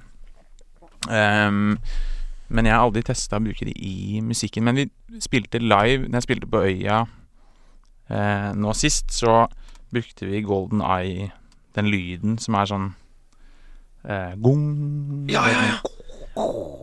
Den kule lyden ja, her. ja, ja. Litt Som er en den ham, Ja, hammeraktige lyden. Og det er faktisk en woodblock-lyd. Det er en trelyden av tre sånn, eh, som blir slått mot tre. Høyfrekvent lyd som er pitcha ned veldig mye. Den lyden er veldig bra lyd. Den brukte vi i en sånn intro som en sånn trommegreie. Så det er det nærmeste jeg kommer av eh, å ha brukt uh, gaminglyd i musikk. Så det, er, så det er i gang å bli, å bli både inspirert og bruke gaming i musikken. Dette er bra. Ja, ja. Skal vi se om vi kan finne noen av disse lydene som du snakker om her? Ja. Eh, er, det, er, det, er det en lydeffekt, eller er det music, liksom? Er det fra Det er music. Da. Ja, det er fra den det, er fra starten her. ja. introen, eh, spill, eh, spillet Ble, ble du inspirert av de lydene han spilte først? Bing, po. Ja, for det er introen der. Da, ok, da skal vi se her. Tror du får den der, ja. Ja. Der. Der er den! Ok, vent, da. Der har den. Å, det er lyd, ass! Den er fin, ass! Veldig Den er nydelig. ordentlig lyd. Ja, ordentlig Så den kommer vi til å se mye framover på nye plata. Nei, det, ja, vi får se Ja. jeg får lurt den. Jeg tenkte jo litt på om det kanskje er ulovlig å bruke Jeg vet faen, jeg. jeg, jeg det, ja, Tror jeg ikke du blir tatt Nei, på. jeg tror det er datert. Jeg tror det er datert den, det, det er eh, kanskje sånn. Så det kan jeg ha spilt siden sist, den woodblock-lyden fra Golden. Jeg, jeg, jeg har spilt litt eh, CS òg. Ja, ja. Og det må jeg si, CS er jeg relativt eh, god, men det er jeg, eh, En sva svakhet min er at jeg ikke er konsistent. Mm. Men jeg kan være utrolig god. Ja, toppnivået er eh, helt der oppe, ja. Ja, ikke sant? Ordentlig. Men så kan det også synke ganske langt ned. Og det syns jeg er frustrerende. ja Åssen blir du påvirka da? Eh, Er du en game rager, liksom? Kan du, Ja, jeg ja, er- rage og Det må jeg si. Hvis jeg hadde sagt noe annet, så hadde jeg fått tyn på eh, shout-out til Leonet, Ja. eh, som er eh, teamspeaken, for jeg er en ganske sur gamer. Ikke sur, men hvis det er noe Hvis man Hvis folk Jeg blir ikke sur for at folk er dårlige, At de løper inn og dør, aldri sur. Hvis, du, hvis vi løper, vi skal rushe B, og du står igjen, og, og, og tør ikke å, å gå inn, og du står som en feig, da blir jeg sint. sint. Kan du være med på et eksperiment? Kan vi lage et lite hørespill nå, hvor vi skal rushe B sammen? Vi er, vi er en trio. Ja, Men- du, okay. du er kaptein. Altså, du, Ja. er, du leder an. Du er kaptein, Inferno. og jeg og dere to er veldig på. Ja, Dere skal ja. rushe B, og, men jeg har nå tenkt snart å stå igjen for det er sløver. Ok. Ikke sant. Ok, vi eh, rusher, uh, rusher B. Ja, rett bak, rett bak. Rett bak. Ok. Jeg flasher over mid. Yes. Sånn. AK, AK. Hvor er det? Hvor er det? Legger du, Skal vi ikke til A? eh, legger du flame uh, toppa han? Jeg er på A. Ja, Jeg er på, jeg er på A, jeg. Løp. jeg er på A. Hvorfor, hvorfor er du på A? Det, men du, så det er ingen som sa til meg at du skulle rushe B. død. Alle er døde. Alle er skal rushe, rushe B? Er ikke det bare Ja. sånn russisk taktikk? Alle er døde selv. Alle er døde. Du kjøpte Det var ekorunde, og du har kjøpt. Vi har grå neste Har runde. Kai, Det blir knivrunde, da. Kai. Ja. Faen, altså, jeg prøver bare å være en av gutta. Trekker jeg ut internettgavlen, og så stikker jeg. Hvor drar du? Opp til og bysser barnet mitt i søvn. Rett hjem og få seg en PlayStation 3-runde hos mor der. Ja, ikke sant. Ja, ja, ja. Nei, det er det vi har spilt siden sist. Vi har kommet til neste spalte. Åh, dette føles godt. Jeg skjønner hvorfor Stian liker å være programleder uh, i, i TV-satsinger over hele Europa. Ja, han er et unikum. Vi har kommet til neste spalte, og den heter Mario eller Mordor. Oi. Ja, Det var bra. Nei, men, det, men hva syns du om den tittelen? Den eller den ligger så godt i, i, i munnen. Mario eller Mordor? Mario eller Mordor? Ja, Mordor er det er mordoren som sitter ordentlig Ja, den sitter ordentlig i- nedi bringa. Nedi Men du har så bra, du har bra bass der. Kanskje du kan bruke den musikken også? Mordor, hva gjør du? Ja. Mario eller Mordor? Ja, den er god. Den er fin, ja. Mordor. Mikrofonen er veldig eh, kondensat. Du plukker opp den Ja, mørke. Det er fint. Ja. Litt mikkteknisk, det. Mario eller Mordor det er altså en quiz på eh, spillkarakterer eller et øyeblikk fra et spill. Ok. Eh, så vi er ute etter hvilken karakter vi hører, eller hvilket spill øyeblikket vi spiller av, er hentet fra. Eh, og det varierer jo fra uke til uke. Denne uken så er det altså eh, karakterer jeg kommer til å spille av, men jeg tror ikke dere kommer til å eh, greie navnet på disse karakterene. Oh. Eh, så jeg er ute etter selve spillet. Som karakterene er hentet fra. Um, det er som vanlig altså Sebastian mot eh, Kai i mm. dag. Mm. Som vanlig. Det er første gang vi møtes. Det er som vanlig den andre programlederen mot gjest. Yes. Eh, Åssen er du på sånn uh, spillminner og sånn? Husker du, er du Har du god huske... Det, det er vanskelig å si. Hvis jeg sier at jeg er god nå, og så er jeg dårlig etterpå, så blir det teit. Så Men jeg jeg, at jeg er dårlig. jeg mistenker at du har et jævlig godt øre. Vi, vi, får se. Ok, vi spiller av. Eh, Reglene i denne konkurransen er altså at man roper navnet sitt, og da stopper jeg dette tracket som jeg spiller av, eh, og så er det opp til å svare. Hvis du svarer feil, eller ikke svarer, så går altså oppgaven over til den andre, eh, som får da bruke så lang tid vedkommende vil. Rått. Er dere klare? Ja. Ja. En slags beat for beat, altså. Her. I owe you, C's. I gotta go tell Sweet about. Sebastian! Er det Grand Theft Auto San Andreas? Det er helt riktig. Og han heter, han heter, han heter Carl. Han heter CJ, ja. Det er helt eh, riktig. For en ja! Jeg hadde tenkt å si Jeg hadde tatt uh, GTA, tror jeg. Ja, du Jeg hadde skjønte det? at det var noe GTA-opplegg. Ja, da er dere helt der. Skal vi høre hele klippet? Ja. Det er en slags, uh, en slags eh, vendepunkt i historien. Eh, veldig For første gang jeg følte at virkelig sånn Oi, shit, dette GTA kan faktisk gjøre dette. da Mm. mm. Fram til dette så hadde GTA vært for meg sånn "Hey, Run and gun og eh, drepe politiet og sånn. Men Mm. dette var liksom sånn Oi, shit, det går an. Ja, så da hører vi. I owe you, C's. I gotta go tell Sweet about. Oh, f- Sweet! Look, go get Kendall and take her to a safe place. What you thinking? It's Sweet. I think him and the homies is walking into a trap. Det var det gangster... Ja, ja, ja. Gjenggreiene. Den Ja, ja. grønne gjengen og sant, de. Walking into a trap her. Uh, vi må advare. Og hvordan det går, det skal jeg ikke spoile. Det må vi ikke spoile. Ah, shit, here we go again. Det er altså 1-0 til eh, Sebastian.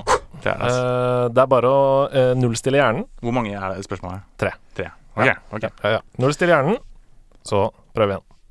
Courtney Sheldon was a corpsman, Roy. Kai. Er ikke det Half-Life uh, to, da? Nei, det er ikke Nei, det. Det er ikke det. Det er ikke det. er. Sheldon? Er det ikke noe Sheldon Cooper? Eller? Sheldon, nei, Sheldon Cooper er Han jævla Big Big Bang Bang Theory. Det er, det er dårlig, pass. Jump the gun. Nei, du, er ikke, ja. du var ikke dårlig, men du er, du er Stian-syndromet her. Han blir ofte for hissig på grøten. Ja, det var fisen. Men han var hissig i stad, så jeg regner med han kommer rett etterpå. Ja, ja, og det kan hende jeg gjør det, men nå Nå har jeg litt tid, da. Nå kan du bruke tid. tid. He served his country. He went out with a medical kit and an Army 45 into places that made the Valley of Death look like a picnic. He was either naive enough or dumb enough to get involved in the Suburban Redevelopment Fund, along with the mayor, the DA, Monroe, and a certain crooked cop.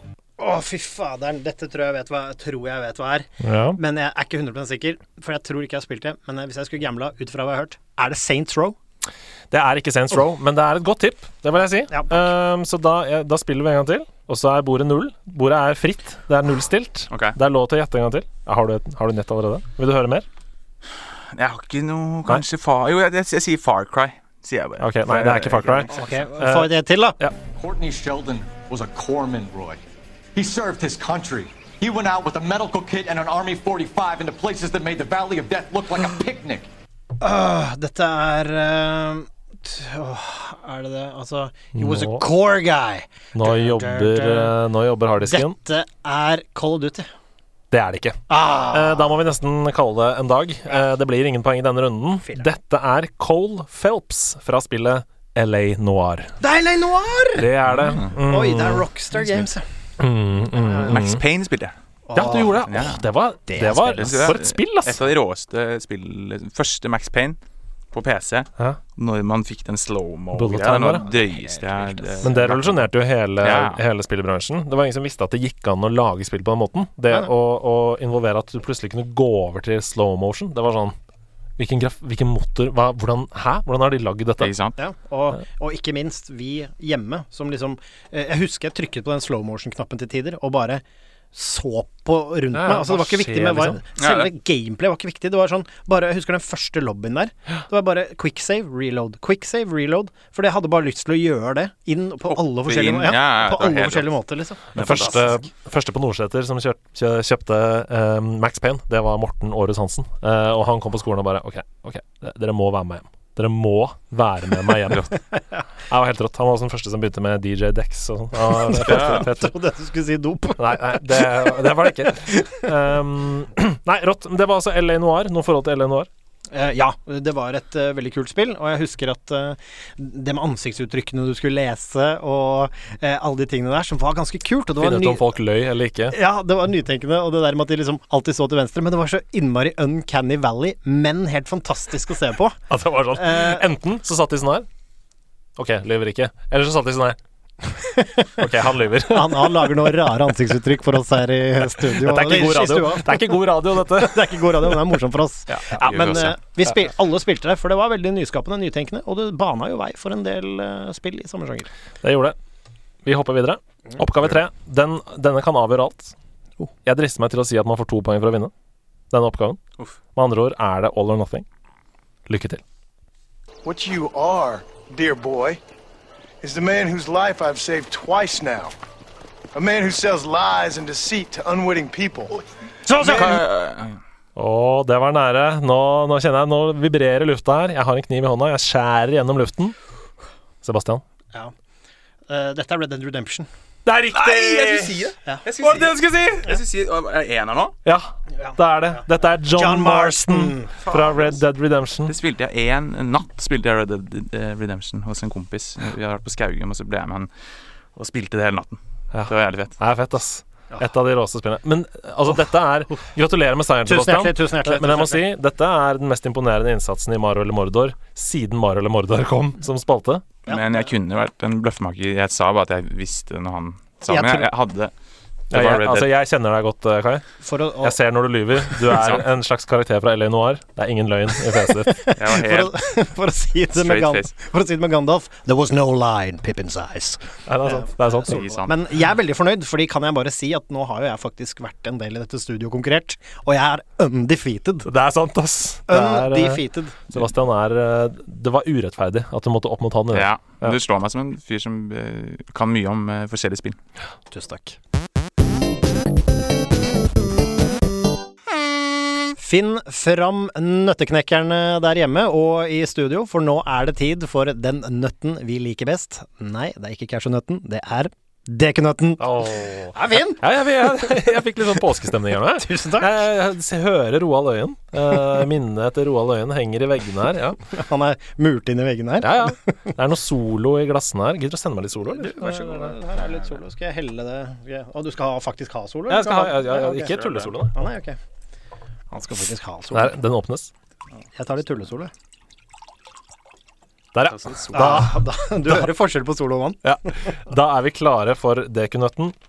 Og for de som ikke kjenner til denne spalten, som f.eks. er Gunderlach-fans og har skrudd på denne episoden for første gang og lurer på hvorfor jeg fortsatt hører på etter en time, jeg som ikke er noe interessert i TV-spill Eh, DQ-nøtten er um, en quiz hvor um, den forrige gjesten som var her, utfordrer da den neste gjesten pluss uh, Stian Blipp til vanlig, nå ja. uh, representert av Sebastian Brunestad, i et spillspørsmål. Og det kan være alt mellom himmel og jord. Oi, oi. Og etterpå så er det da altså eh, Kai som eh, utfordrer oss to, da, Sebastian, i et spillspørsmål. Nettopp. Så jeg tror, eh, uten å dra dette ut for lenge, så bare setter vi i gang. Det var altså Habiba Stray, leder i Hyperion, som var her forrige uke. Og hun har stilt dere spørsmålet. Her har dere lov til å samarbeide om å få svaret. Kjapt spørsmål om Habiba bare. Fikk hun beholde jobben i Perion Ja, det etter gjorde hun. Det fadesen fra quizen forrige episode? Det hun. Var bra. mistet jobben en liten periode der. Og så hentet Ja, bra. Bra. Hva heter selskapet som utviklet spillet Runescape? oi, oi, oi. Kjenner jeg til det spillet. Ja, du har noe forhold til det? Hva? Jeg, jeg, jeg, jeg tror ikke jeg spilte det, men mange spilte Runescape. Det der. Er det Runescape? Er det Rune Escape? Ja, det var mange, fordi jeg gikk på Nordsjø ungdomsskole, som vi etablerte i stad, og der sa folk Run Escape, Ja. men det heter Runescape. Det var det, ikke sant? Ja. Runescape, ja. Mm. Som er et slags sånn det, Ja, ikke sant. En slags RBG. Hva heter dette selskapet da, dere? Ja. Du vet det bare. Det- Nei, nei, nei. eh, Vet du hva. Det er det som er Dette er jo vårt uh, svarte spillhøl. Uh, både, det gjelder jo både Stian, eh, eh, Hedo og meg selv. Det er, vi har ikke spilt Runescape. Nei. Ikke jeg heller. Nei, så det er ikke noe muligheter her. Vil dere ha, vil dere ha um, tips? Ja, ikke sant. Ja, Ja. Jeg tror ikke dette spillselskapet er kjent for noe annet enn Runescape. Ah, ja, det Um, utelukker jo veldig Det rimer på Det rimer på Dagex. Dagex. dette, dette, dette, dette, er hyttequiz når, eh, når lillebror henger etter oss. Dage. Et spill om fotball som rimer på Pifa. Ok, det, det er bokstaven før K som er den første bokstaven. Jarl Jalex. Ja, nesten. Ja Nex. Janex. Jabex. Nei, vi er nære. Jalex. Javex. Jagex. Jagex! Det er Jagex. Hvordan visste du det, du som ikke har spilt i det? Det var, du måtte skulle, skulle rime ordentlig, da. Og han sa Dagex. Det må jo være en G der. Det er veldig bra. Ja. Det er kunnskap som sitter langt inne, men det sitter godt. Så altså, eh, selskapet som utviklet run, Run, Runescape Jagex, eller Jagex, jeg vet ikke. Uh, Jagex var fetere. Jagex på engelsk, Jagex på norsk. Det var særdeles dårlig innsats, Takk. Uh, men uh, dere klarte det til slutt. Ja. Kai, Ja da. hva har du til oss? Jo, jeg jeg har tenkt litt på en ting eh, som jeg syns er eh, For folk driver og kjøper skins. ja. Og det syns jeg er Mm. finurlig. Jeg, jeg må innrømme at jeg kjøpte min første skin til CS for seks kroner. Ja. at jeg har prøvd å styre unna. Jeg syns det er teit å kjøpe ting som ikke gjør våpen noe bedre. Det er, ingen, det er ikke noe forskjell. Det er bare at det ser litt kulere ut. Ja, du er den typen, ja. Så kult. Du, eh, det er liksom, hvis du skal bruke penger på det, så er det for å gi deg en fordel. Ja, ikke- og Hvis det ikke er noe fordel, så ser jeg ingen vits. Men så, eh, jeg kjøpte nå den skinnen til seks kroner her om dagen. Da. Så det skal jeg, sies at du var den typen. Jeg var den typen, ja. Ja. ja, ja. Men spørsmålet er eh, Hva eh, er den dyreste skinnen som noen gang har blitt solgt? Og hvordan ser den ut? Å, dette har jeg lest slash hørt slash eh, fått høre. Um, Jeg har ikke sett, lest eller fått høre det, men hvis jeg skulle gjettet et spill Den dyreste skinnen uh, For det er til Skal et jeg vite det? Ja, du skal vite det. Du skal vite svaret. Ok, jeg vet det. Ja, ja, jeg, kan, jeg kan google det. Jeg kan, jeg kan google det hvis det ikke Hva er den dyreste skinnen noensinne? Um, for jeg mener jeg har lest dette, og det er vel til Er um, det Second Life? Er det til Det er til Jeg tror det er til en rifle. Eller uh... Jeg kan se for meg at, at, uh, at det er en dragon law. En AVP, en dragon law, tipper jeg der. Som er veldig dyr. hmm, har, du noe, har du noe her, eller? Uh, nei, jeg har ingenting. Jeg har googla det. Så jeg har svar her. Og du, du sa du kan se for deg at det er en Dragon Law, Mm. AVP. Det er helt riktig. Det var det. Det er helt riktig! Det Altså- er helt riktig! Ja, nå, er jeg, nå er jeg nesten på en måte mer imponert. Fordi han kunne ikke svaret, men svarte på sitt eget spørsmål. Altså jeg, jeg, altså, jeg tenkte at nå må vi bryte stikk og gjøre dette på nytt, og så blir det Du, du gir deg selv en nesten umulig dekunøtt, og så løser du den selv! Se her. Med litt hjelp av deg som sa at det nok var en rifle i Her står det Ja, altså? AVP Dragon Dragon. Law 1555. 1555 dollar. Det er da ingen Dollar, pris, den er jo såpass gjev. Det er ingen pris å betale nærmere 16 000 kroner for det er et par av de gutta som er på den eh, serveren, som virkelig har brukt eh, spenn på noe, på noe skins. Ja. Men er kjenner du noen som har Dragon av, Jeg tror uh, at jeg vet om en som har en sånn. Men det er, det er, det er, det er veldig forskjellig. Det fins flere forskjellige Dragon Law. Det er Houston, om den er Warren, om det er er sticker er Hvis det er Forest sticker på den, så er den enda mer verdt. Det er sånne type ting, da. Dette er helt rått. Uh, han fortsetter å imponere, fordi her står det altså The Dragon Lore style of AVP is the most expensive CSGO skin ever sold. In January 2018, it was sold for $61,000 and 52 61 and 52,000 dollars. wow. Of course, it wasn't a usual CSGO Dragon Lore, but a souvenir AVP Dragon Lore one with a unique set of stickers. PGL, G2 Esports, Cloud9 and Tyler Skadoodle Latham. Ikke sant? Uh, who was MVP at the Boston Major 2018 and played for Cloud9. Så det var masse stickers på skinnet, da, i Ja, jeg, tillegg. skj- men jeg skjønner, men dette her er jo fortsatt noe som de har sittet og brukt ti minutter på å lage det skinnet, da. Og bare lagt på noen stickers. Også, men fins det én av den i verden, da, eller? Ja, for det, den unike sammensetningen av stickers, da. Ja, for det er ikke noe, det er ikke noe RNG på stickers. Hvis man mister Hvis du dauer en runde, og så plukker eh, motstanderen opp den der, da, så sier han Åh, shit, den har de' Da ser han det, var det det du mente? At man ikke ser at det er sticker Nei, nei, nei, nei, at når du liksom kjøper skinnet, er det liksom f f Er det RNG på hvilke Altså sånn Er det random hvilke stickers du får på den når Nei, nei, du betaler du- 15 000, liksom? du, du, du, du søker spesifikt. Du kan søke på Forest, Sticker, Deagle Ikke Ikke sant? sant? Så det er Og sånn som Cloud9-stickers, da. Det Ja. kan du ikke ha hvis ikke du spiller for Cloud9, f.eks. Nei, ikke sant? Så det, Ah. det, er sånn Altså, det beviser jo at hvis du har alle de sti- stickersene, så er du på en måte Jeg skjønner. Ok, så det er liksom det, er per, pers, altså det blir litt sånn som at eh, Hvis jeg hadde faktisk eid et våpen selv, da, så, og hadde satt klistremerke ja, Det blir ikke mulig å sammenligne, men du skjønner hva jeg mener. mener. hvis, du hadde, hvis du hadde vært med på um, Hva heter sånn skytteruka? Når man uh, kårer skytterkonge og skytterdronning oppe på skyt... landsskytterstevne, og vinner sånn skytterkongepokal Hvis du da hadde vunnet et sticker som du kunne satt på rifla di, som det fantes en av i verden, som var skytterkongestickeret Da hadde det vært det samme. da var det samme. Da er det det klistremerket er verdt 610 000 norske løk. Og med det så lukker vi dekunøtten. For en merkelig dekunøtt! Det er anarki i studio i dag, og jeg elsker det. Da er det tid for eh, gjestens eh, anbefalinger. Eh, det blir jo deg, Kai. Eller gjestens beste, da, Som som gjestens Faen, ta, vet du hva? Det er tid for gjestens beste, hvor du kommer med noen tips. Det kan være hva som helst. Det er musikkbøker, ting som du digger, da. Det må ikke være spill, er poenget. Det kan være hva som helst som du har lyst til å anbefale til landslagets kjære venner.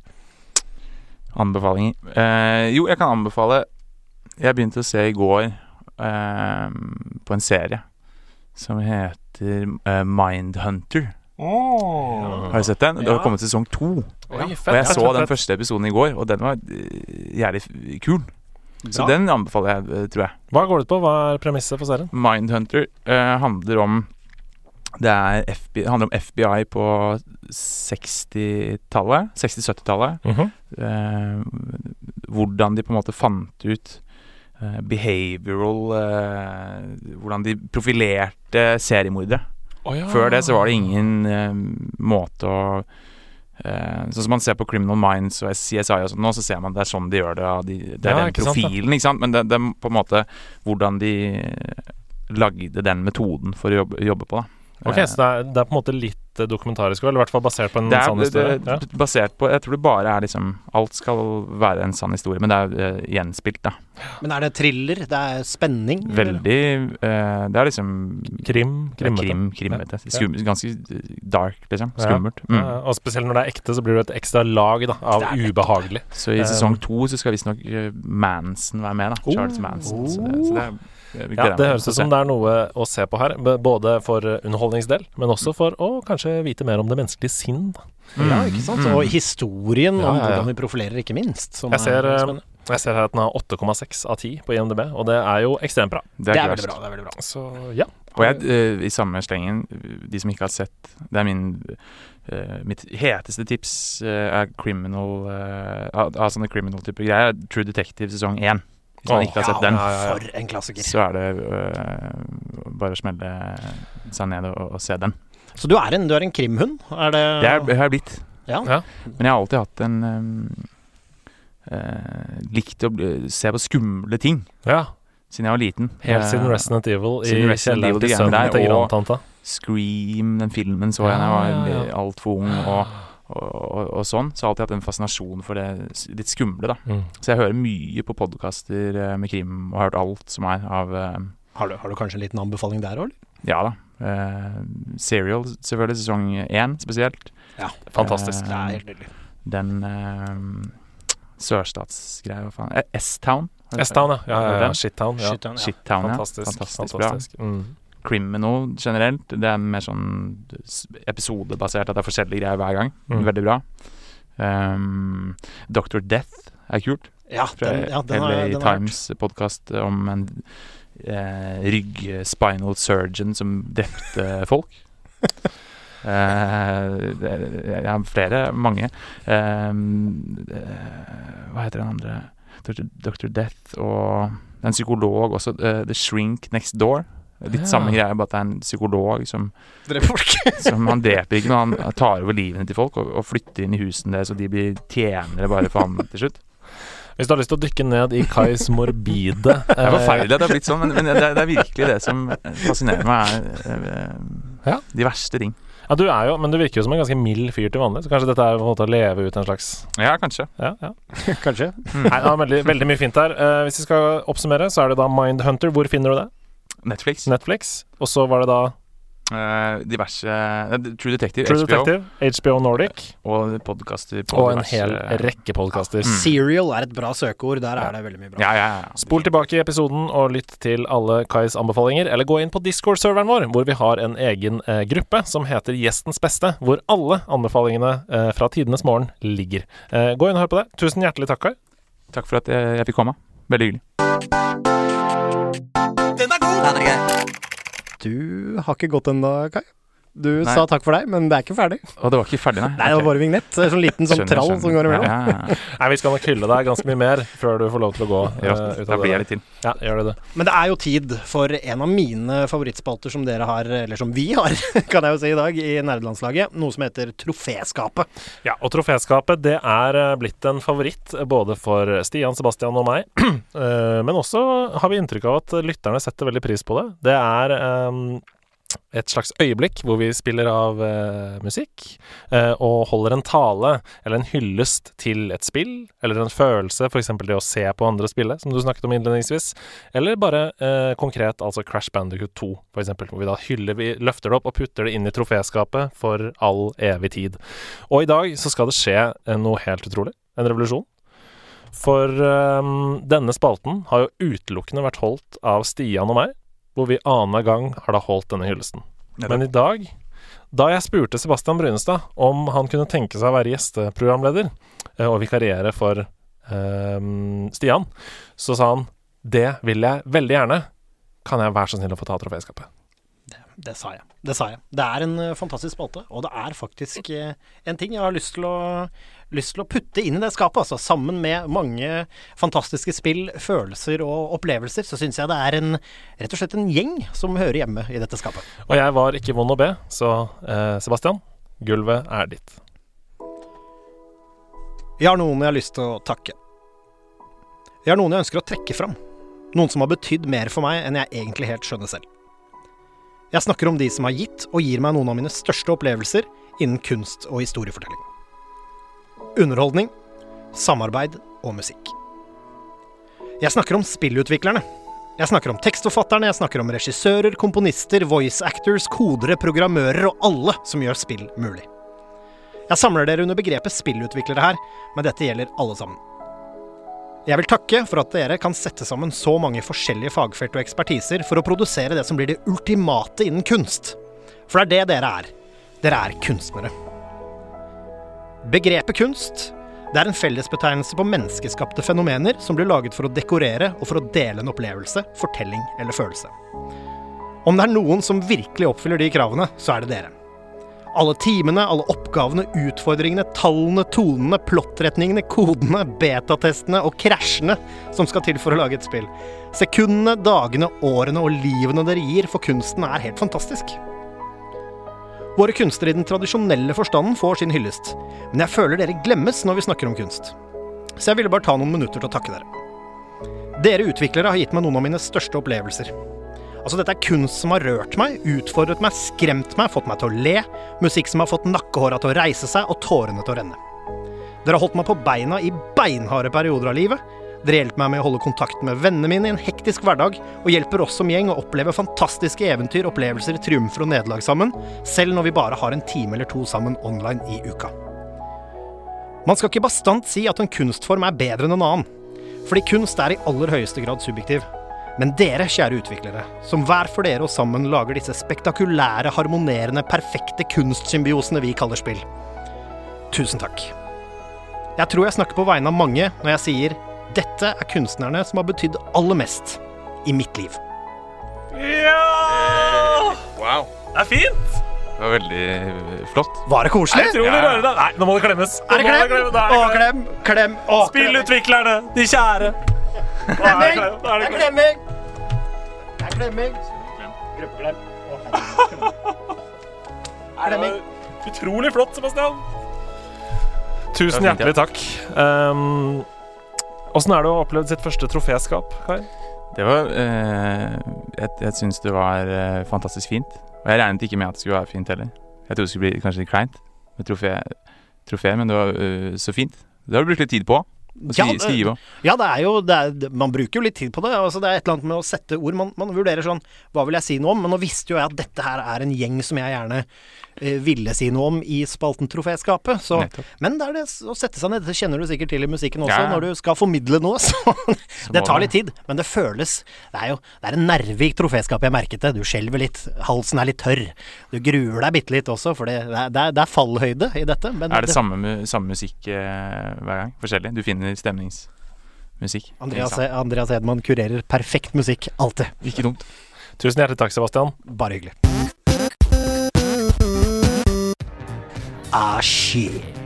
Vi er tilbake i spillklubben. Det er så deilig å være her igjen! Det er fet musikk, ass. Såpass, ja. Er det du som har valgt soundtracket? eller, Kai? Jeg? Eh, Nei, det, det, det, det, nei, det er det ikke. Nei. Men det var funky, funky saker. Du klarer ikke å la være å danse? Er det, er det symptomatisk for deg at du Yes. må danse når det er såpass funky? Alltid. Jeg ser det nå. også. Ja. Du, har, du har fått på deg en slags sånn, eh, jakke med sånn eh, paljetter på. Det stemmer. Hvor, hvor har du hentet den fra? Den hadde den ikke i stad? Det hadde den ikke, så jeg hadde den med. Det er en jakke som jeg brukte når jeg spilte konsert en gang. Som jeg aldri har fått brukt eh, siden. Som du aldri har fått av deg, for den har rett og slett satt seg fast? Ikke sant? Ja. Den passer så godt her inne. Og du har på deg et slags rosa pannebånd, Sebastian. Det har jeg. Det er fordi det er varmt i kjellerstua, og den stopper det verste renninga fra panneområdet. Og spesielt nå som blir funky. Og du, men du må jo feie for egen dør. Hva er den fjerde kreasjonen du bærer? Nei, du, det er bare noe jeg fant i funkykjelleren min eh, hjemme. Eh, Har du ikke egen funkykjeller hjemme? ja. Det er en slags walk-in funky closet. Eh, Det er 2019, Hedo. Alt er greit. ja. eh, hva har du i glasset? Du, jeg har rett og slett eh, jeg, skal kjøre etterpå, så jeg er vann. Ja, det er vann, ja. Hva med deg, Kai? Hva har du i glasset ditt? Eh, Der er det en hel kaffekopp full av Fernet, faktisk. Oi, en hel kaffekopp full av fernet, ja. Den er ikke dum. Men Nei, den alkoholfrie Ferneten, ikke sant? Nei, det den, Nei, nei, den er knallhard, den. Den er ikke dum. Den ser jo ut som kaffe. Ja, den er knallhard. Jeg har eh, s- buser vodka. Nei, jeg. Buser vodka. Oi! Er- det var en forferdelig ting å si. Det er funky stemning. Det er busevodka, vi har DJ-en har allerede dratt hjem. Han syns det ble for sært. Det var Funky Walking Closets, det var en kaffekopp Fernet og buser i vodkaen. Vi er i hvert fall klare for neste, neste del av programmet, Hedo. Hvorfor er det såpass funky musikk her? Nei, for vi er jo i spillklubben. Eh, DJ-en skrudde av eh, platene, så nå kan vi prate.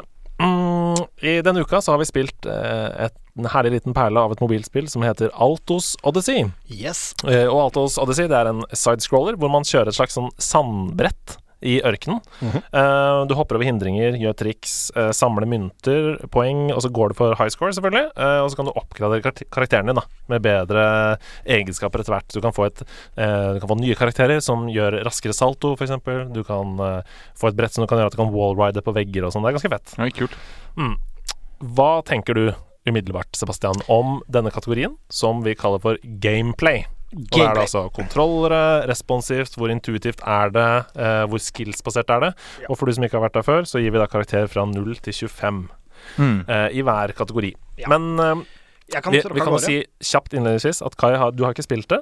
Jeg fikk ikke tid til å spille. Men eh, vi får plass til noen slags eh, digresjonsspørsmål om lignende spill underveis, så heng med! Ikke gå hjem ennå. Eh, eh, ja, gameplay. Vi begynner der. Eh, Dette er jo et ekstremt intuitivt spill. Det er det ikke noe å si på. Dette har du spilt eh, Du har ikke spilt det før, men du har spilt det før, hvis du skjønner hva jeg mener. Som alle gode mobilspill, så er det lett å bare ta opp og begynne med det. Ja. Um, for et mobilspill det er jo en plattform som du gjerne spiller på farten.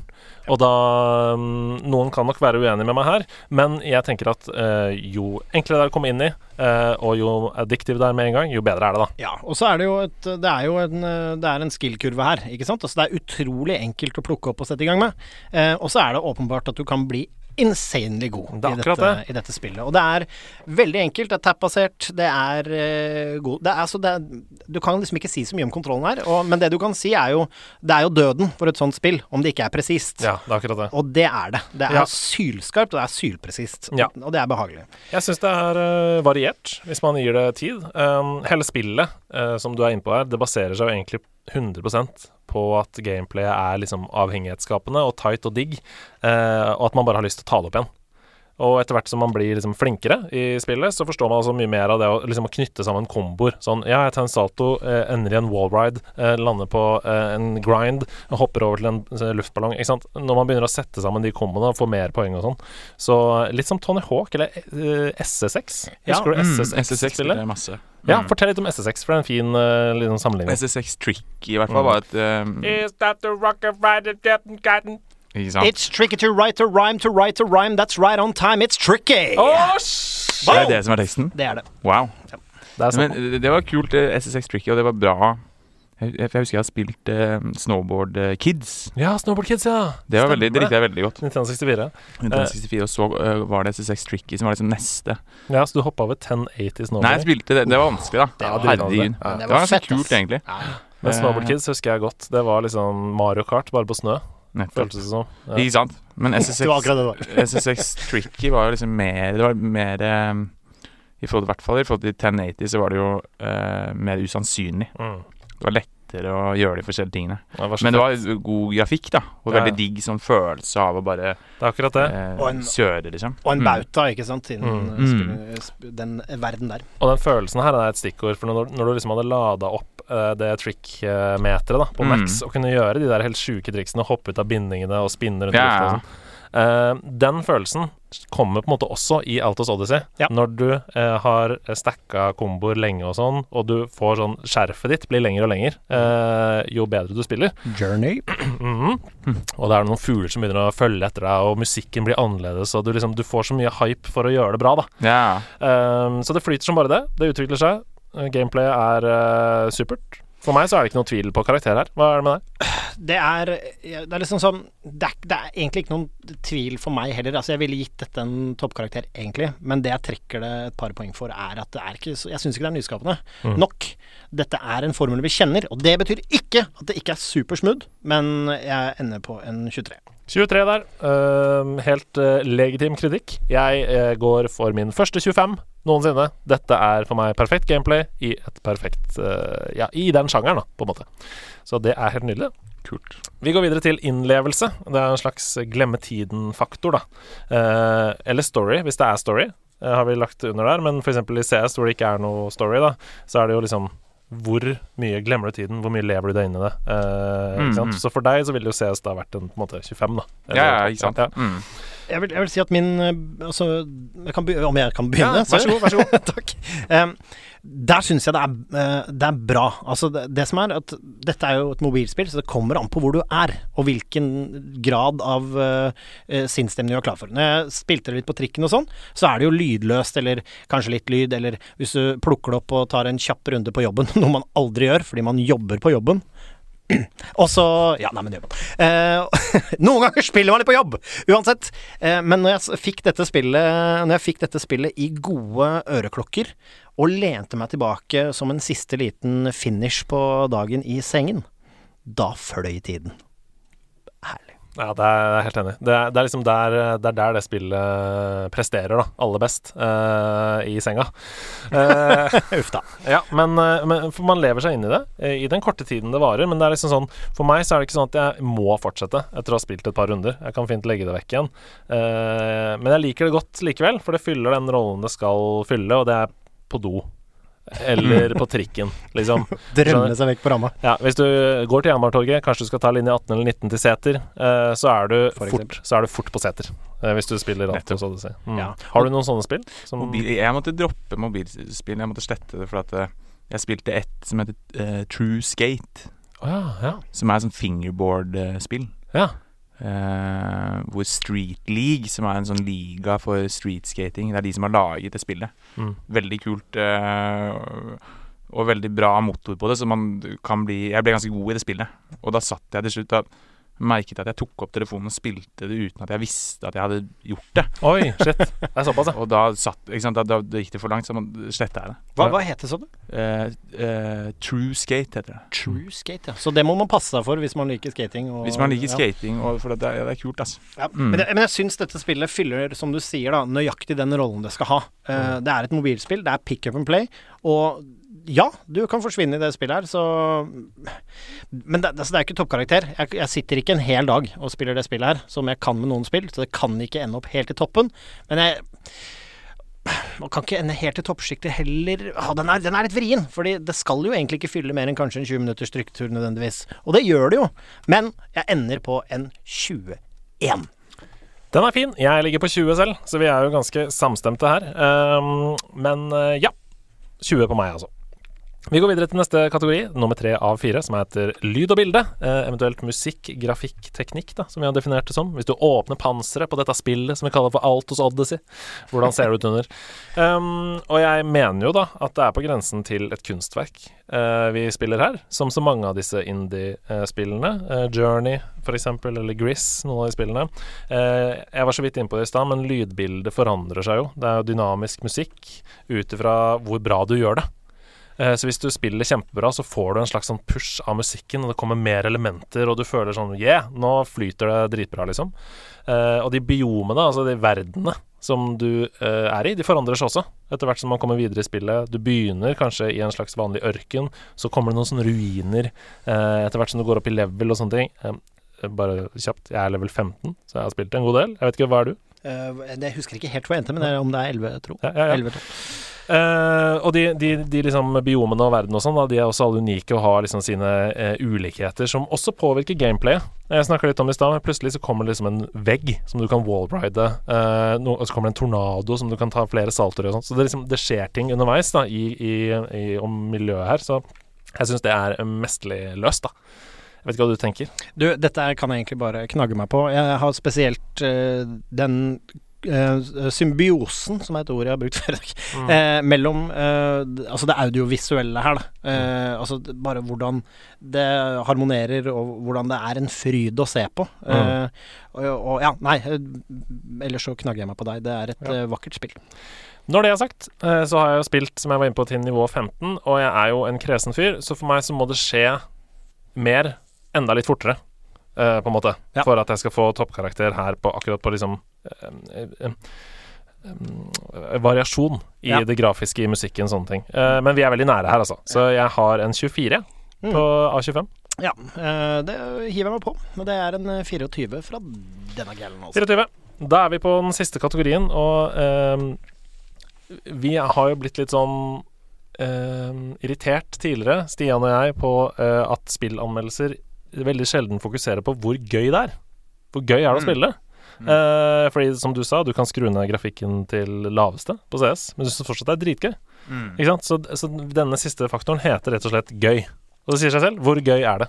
Ja, der kan jeg begynne. Det spillet her er, som veldig mange andre såpass vakre og velcrafta spill, gøy i starten. For det er noe nytt, det er noe spennende, det er ting som skjer, det kommer. Men så lider vi litt av dette med variasjon, for min del. Eh, Det er, selv om det har ting, det er en one trick pony.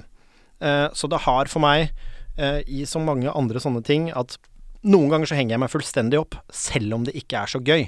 Som du snakket om med True Skate også, kanskje. At du sitter der, og så spiller du plutselig litt uten at du egentlig vet at du spiller. Det, er- altså, og da har man det ikke så gøy. Hva tenker du om det? Nei, da er man som en zombie, bare ja, da spi Jeg liksom spiller bare for å spille, ja. Ikke så gøy. Du skal bare kaste Eller du skal bare bruke tid, rett og slett. Mm, det er ikke um, Du får ikke så mye ut av det. Nei, det er ikke gøy. Og, og det eh, er det en faktor av her for min del. Som også kanskje kan oppnå f.eks. i store MMO-er, eller hvis du må grinde masse for å få et nytt våpen i et spill, f.eks. Det er liksom en annen måte å spille på. Det er ikke så gøy, men da kan du kanskje sette på noe musikk eller en podcast eller noe sånt, så bare gjøre det. Mm. Um, tror du du kunne gjort det sånn med True Skate? At du liksom, hvis du ville høre en podcast, så kunne du hø hørt på den mens du spilte? Det kunne jeg nok eh, kanskje gjort, ass. Ja. Um, det har jeg ikke- ikke testa, faktisk. Nei? Nei, for det er jo en annen form for gøy, da. måte. Jeg kjenner litt i fingrene av og til når jeg hører på podkast at jeg har lyst til å gjøre noe annet Ja, samtidig. Så scroller jeg Instagram. Det fungerer dårlig. ja. Ja, det er dårlig. da øh, går jeg glipp ja, du mister det. ting. Jeg ja, mister ja, ja, fordi Så det er- kanskje det, det er ikke så dum uh, greie. Jeg har innført en ny uh, Vi skal snart gi oss her nå, så, men jeg har innført en ny sånn greie at når jeg ser på film eller TV-serier, at jeg eh, legger mobilen i et annet rom. Fordi jeg Mm. klarer ikke. Uh, hvis jeg ser på film eller TV-serier Jeg har så lav attention span i 2019 at Nei. den mobilen kommer med en gang. Det er ikke bra, ass. Nei, Og da får jeg ikke med meg noe av serien uh, eller filmen. Så ja. Men hva tenker du om uh, gøy-faktoren? Jeg syns det er kjempegøy. Ja. Eh, jeg syns ikke det er noe frustrerende i det hele tatt. Som vi var inne på innledningsvis. Hvis jeg dør, så føler jeg min egen feil. Ja. sånn, OK, jeg feilbrenna det hoppet, jeg tok en salto for mye, liksom. Eh, det, er, det er gøy. Men, og hvis jeg skal ta liksom i, i sin sjanger, da. Mm. Altså sideskrålende plattformspill som skal gå fort. Ja, ja, ja, Veldig spesifikk sjanger. Men eh, jeg kan si liksom eh, Sonic Mania, for eksempel. ja, for eller, det det er, ikke sant. eller musikkbanene fra Rayman Legends. Ja. Oh. Så er uh, Altos Odyssey det er noe av det beste som finnes i den sjangeren. Ja, det er det. Ja, ja, ja. Um, så jeg må bare si at eh, jeg ønsker meg dette i utvidet versjon for konsoll. Ja. Og jeg kan reise rundt i verden i forskjellige baner, og jeg har masse missions jeg må gjøre der. Nå er vi i Arktis, der er det noen pingviner jeg må drive med noen greier. Ikke sant? Mm. Så det ønsker jeg meg. Ja. Um, eller PC, da. ja, ja, ja.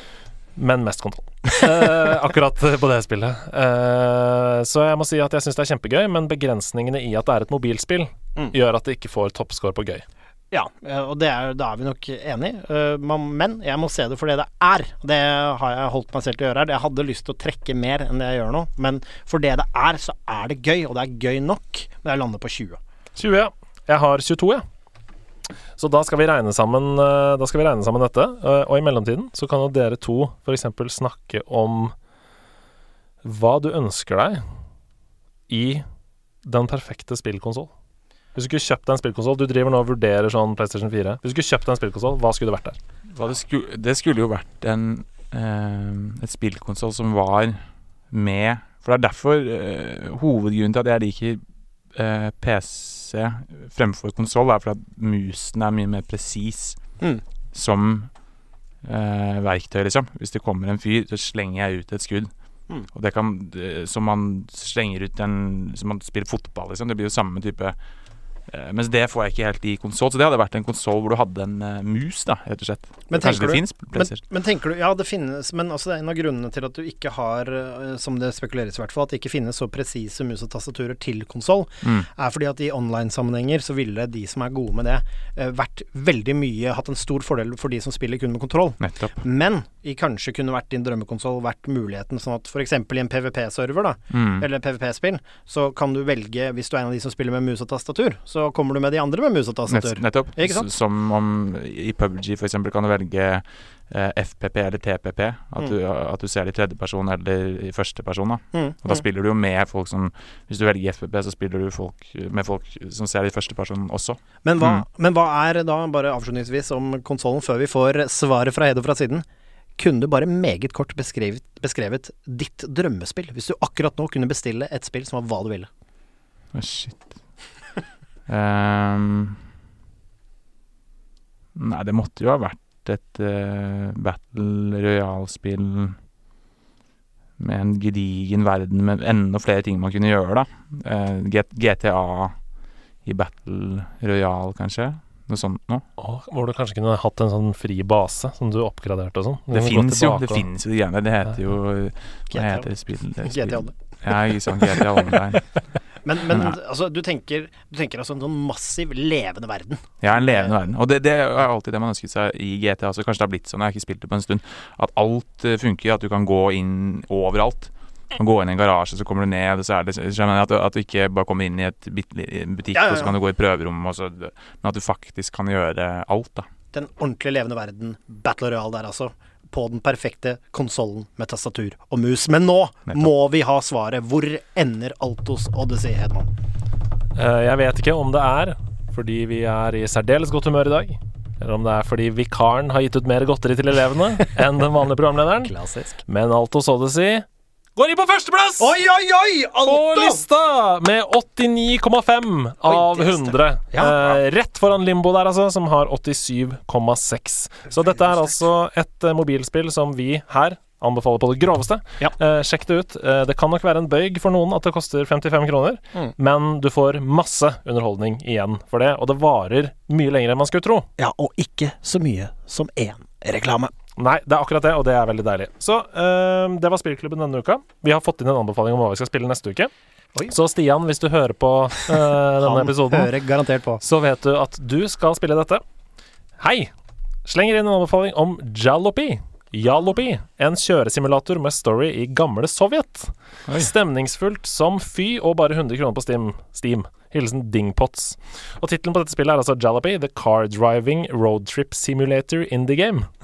Det er en tittel jeg steller meg bak. For et tips! Ja, jeg har sett eh, litt på video og sånn, og det ser veldig rart ut.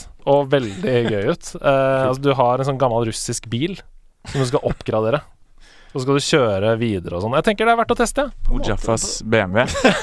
Det er veldig godt spotta. Det er Mojaffa. Mojaffas Sovjet-Lada, er det det det En er? ikke-gentrifisert 2019-versjon av Mojaffas BMW Det er helt fantastisk. Vi lukker spillklubben og ses igjen om en uke.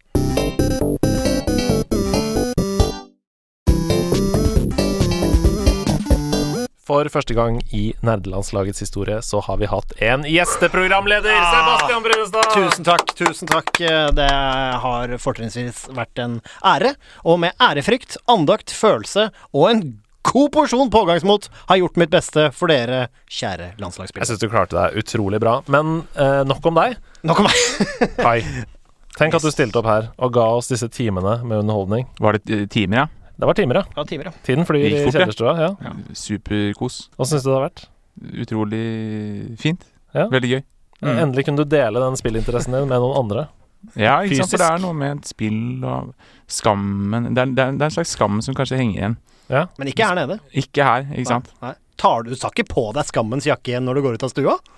Nei. Nei, for nå er du en del av nerdelandslaget. Nå er det bare å ta på seg drakten. Her er, Ja, det- ikke sant. her er en her Men det er en- veldig for også, ikke sant. Gamingen har, har sin eh, eh, det, det, er, det er fantastisk, ikke sant. Gaming. Mm. Mm. Tusen hjertelig takk for at du kom, Kai. Du Takk er hjertelig velkommen tilbake når du måtte ønske. Uh, spill masse gøy til den gang, og så ses vi snart igjen. Ja. Det gjør vi. OK.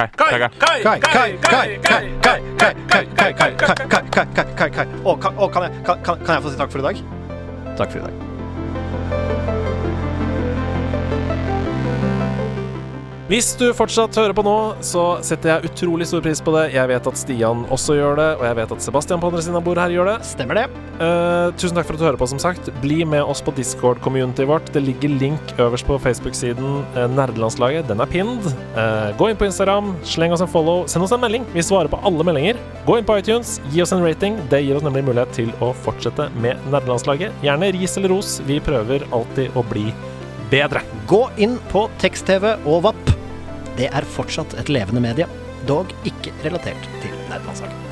Tekst-CV, side 666 der, altså. Ja. Nei, Number of the Beast. Takk for at dere hører på!